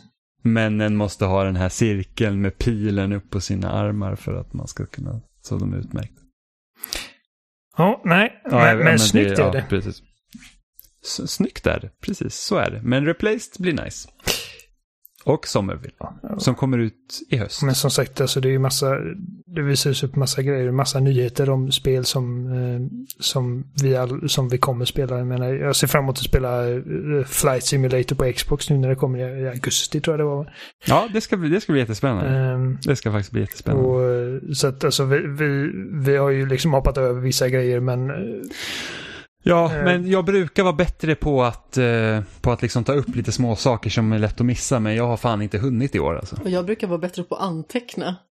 Ja, jag brukar också anteckna, jag antecknar inte ett skit i år. Uh, jag, bara, jag, jag skulle fråga dig i början av podden, liksom att, alltså, fick ni den här E3-känslan i år? Det fick inte Nej, jag. För, nej, inte jag heller. Men jag brukar också ta ledigt den här veckan och titta på E3. Eh, men då brukar det också vara massa intervjuer. Höll jag på att säga, ta ledigt från vad då? Men jag brukar jobba på somrarna, hallå! Vilken diss! Vilken diss! Jag jobbar varje sommar sen liksom typ, ja, ja, ja, jag har jobbat varje sommar sen typ 2014 så att det är liksom, hallå! Jag har min första semester faktiskt i år. Ja, jag med. Ja, grattis. Hela juli har jag semester. Ja, jag har halva juli, halva augusti semester. Mm. Jag har liksom tänkt att du plockar tider. Alltså när du jobbar Fan, du har väl aldrig jobbat i hela ditt liv? Ja, nej, nej, nej, när jag jobbar i butik så jobbar jag hela sommaren alltid, förutom E3-veckan. För då, då sa jag att nej, då, då sa jag så här. Så här sa jag faktiskt, ja, jag ska åka till min kompis i Göteborg under den här veckan. Så satt jag hemma och åt chips och kollade på E3. Ja. Ja, fast jag, jag var ju hos dig någon gång Oliver också så att det... Ja, du var hos mig när de visade PS4. Nu känner jag att jag kommer få sova på soffan ja. här. Vad sa du? Nu känner jag att jag kommer få sova på soffan här. Ja. Nej, det är aldrig, aldrig kvinna som får sova på soffan. Ändå. Det är i, i, i, mitt hushåll, så är det. Jimmy som... Jag har redan sovit på soffan en gång idag. Ja, Amanda sov på soffan lite titt som tätt hon. Fan, jag sov, så, jag sov på soffan varje dag. Jag är så jävla trött jämt. Alltså jag tar, jag tar liksom naps varenda dag. Amanda tar också naps varenda dag. Och, och jag måste sätta klockan, annars sover jag alltså sex timmar. Ja, det gör ju inte jag. Nej, Amanda sover två timmar. Det är något fel på ja, mig. Ja, alltså. ungefär. Men hade du inte gått till doktorn Jo, men det är därför jag har varit hos doktorn och eh, fått Ja. fingrar uppkörda i röven och pungkularna kittlade och pungkularna, kulorna. Eh, och, och blodprov tagna. Pungkularna. Ja. Jävla pungkularna! Låter som ett dubbelnamn. Så att förhoppningsvis så eh, jag inte, får jag mina steroider så att jag kan bli piggare. Mm, jag blir kroppsbyggare det om du får steroider. precis. Och, och det var så roligt den här läkaren, han, han, han liksom sa det typ. Ja, det har gått gått upp i vikt och så typ tittade han på min mage och jag bara ja, ja, ja, liksom han bara ja, det, det är det liksom låg testosteron för det är det vi undersöker. Det, man får massa bukfett, jag bara ja. Jag undrar varför det är så. Jag vet inte, för att det, det, det, ja, det är just, just bukfett tydligen. För att jag menar, jag har, inte, jag har liksom inte blivit fläskig någon annanstans. Det är bara magen, men den har blivit liksom bara större och större och större. Ja. För Men du är ju i grunden väldigt liksom smal. Ja, Ja, men jag har alltid varit det. Ehm, för jag vet att typ har man låg så här, testosteronproduktion liksom ofta, i, i tonåren och sånt så, så, så växer du ju liksom inte. nej. Alltså du kommer ju typ inte in i, alltså jag vet en podcast jag lyssnar på, han, han, han injicerar ju testosteron eh, för att han har så låg produktion. Eh, och han gick ju typ inte in i puberteten förrän han var typ 17-18. Ja, så illa var det inte. Alltså jag, jag fick liksom... På grund av det. Och, och det min läkare sa det liksom att ja, men risken är ju liten att detta är ett problem du har haft liksom sen tonåren. För att liksom jag, jag Ja, började få precis. skägg när jag var 13. Ja, så det har ju kommit förmodligen, alltså i, kanske inom de senaste fem Ja, åren. då, precis. sånt. Förmodligen. Så att... Eh, men ja, Ja, men du, får, du, Eh, får- du får komma till Alingsås och gymma med oss Oliver så får du bli riktig knuttis. ja precis. Att åka hela den vägen för att liksom slita ut kroppen, det är ju jättelockande. Alltså, du bygger, nej, nej, nej, du ska se på att du, du, stora by, piskan du bygger upp kroppen Oliver. ja, jo. det är så du måste se på det. Amanda tränar mig stenhårt. Jag märker det. Mm. Eh, Och Snart, snart, snart har jag tagit 200 kilo i marklyft säger du. Alltså, ja, jag, Ja. Jag, jag är faktiskt imponerad av er. Det är också Mm, Amanda. ja. Jag, eh, jag hade fan inte orkat uh, lyfta några sådana jävla... Jag är, fan, jag är klen.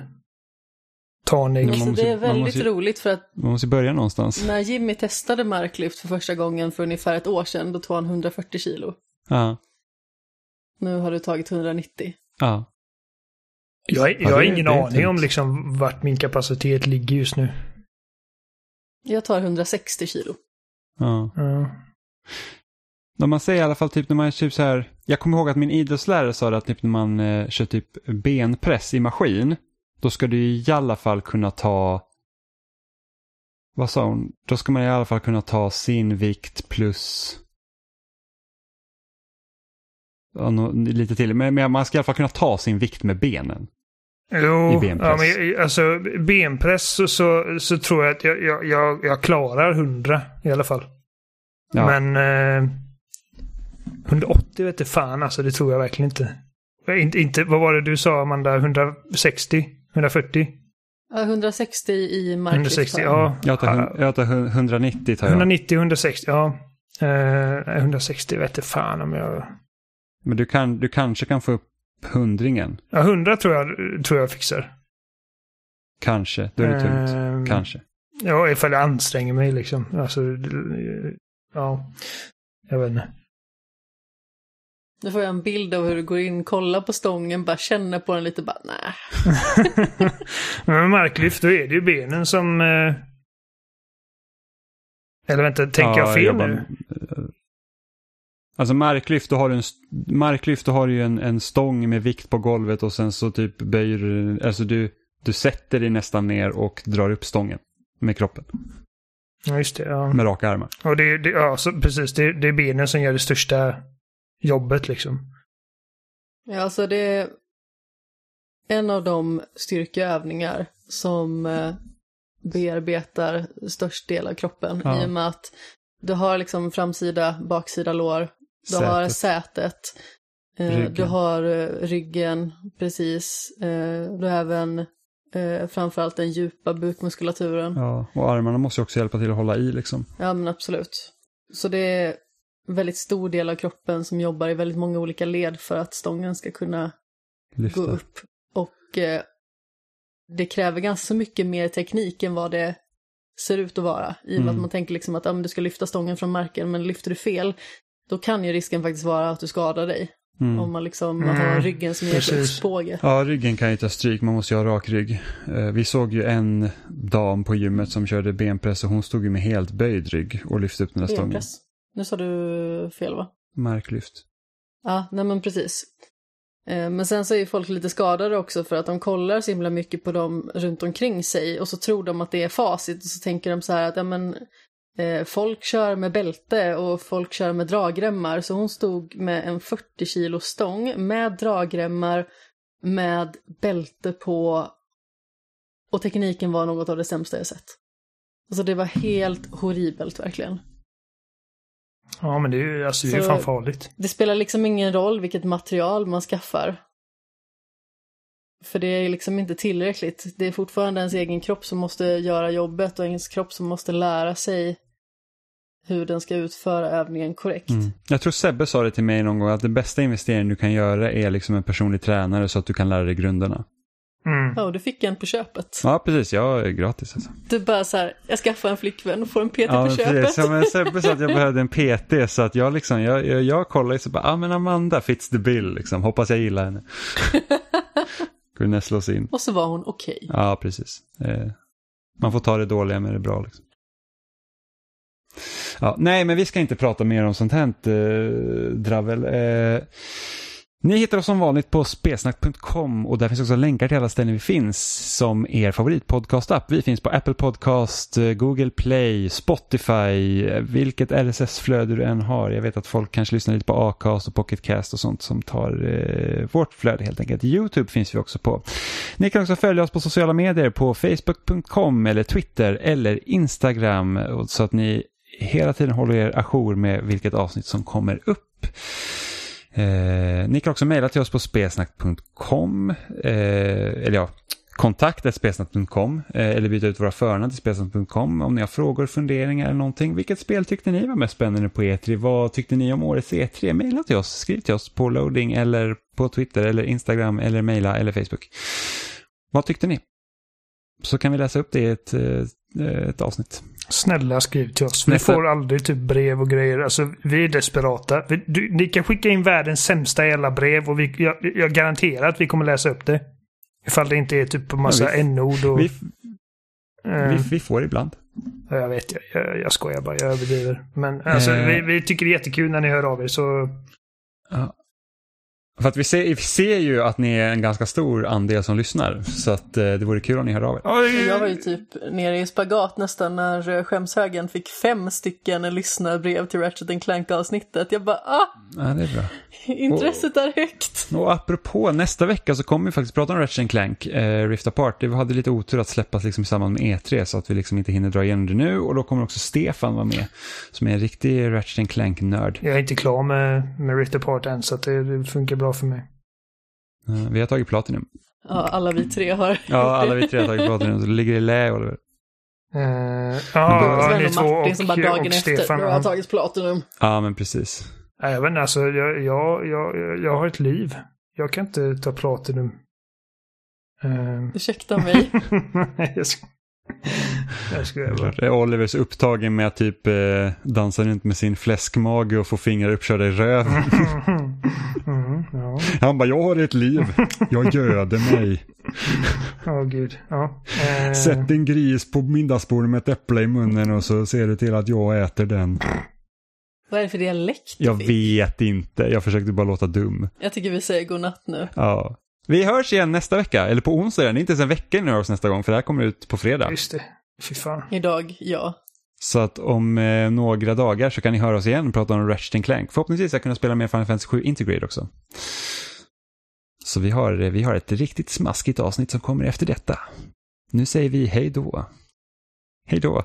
Pussljumsk. All, all, alltså jag planerar inga för konstpass där. Säg hej då. Alla avsnitt är smaskiga. Ja, hej då.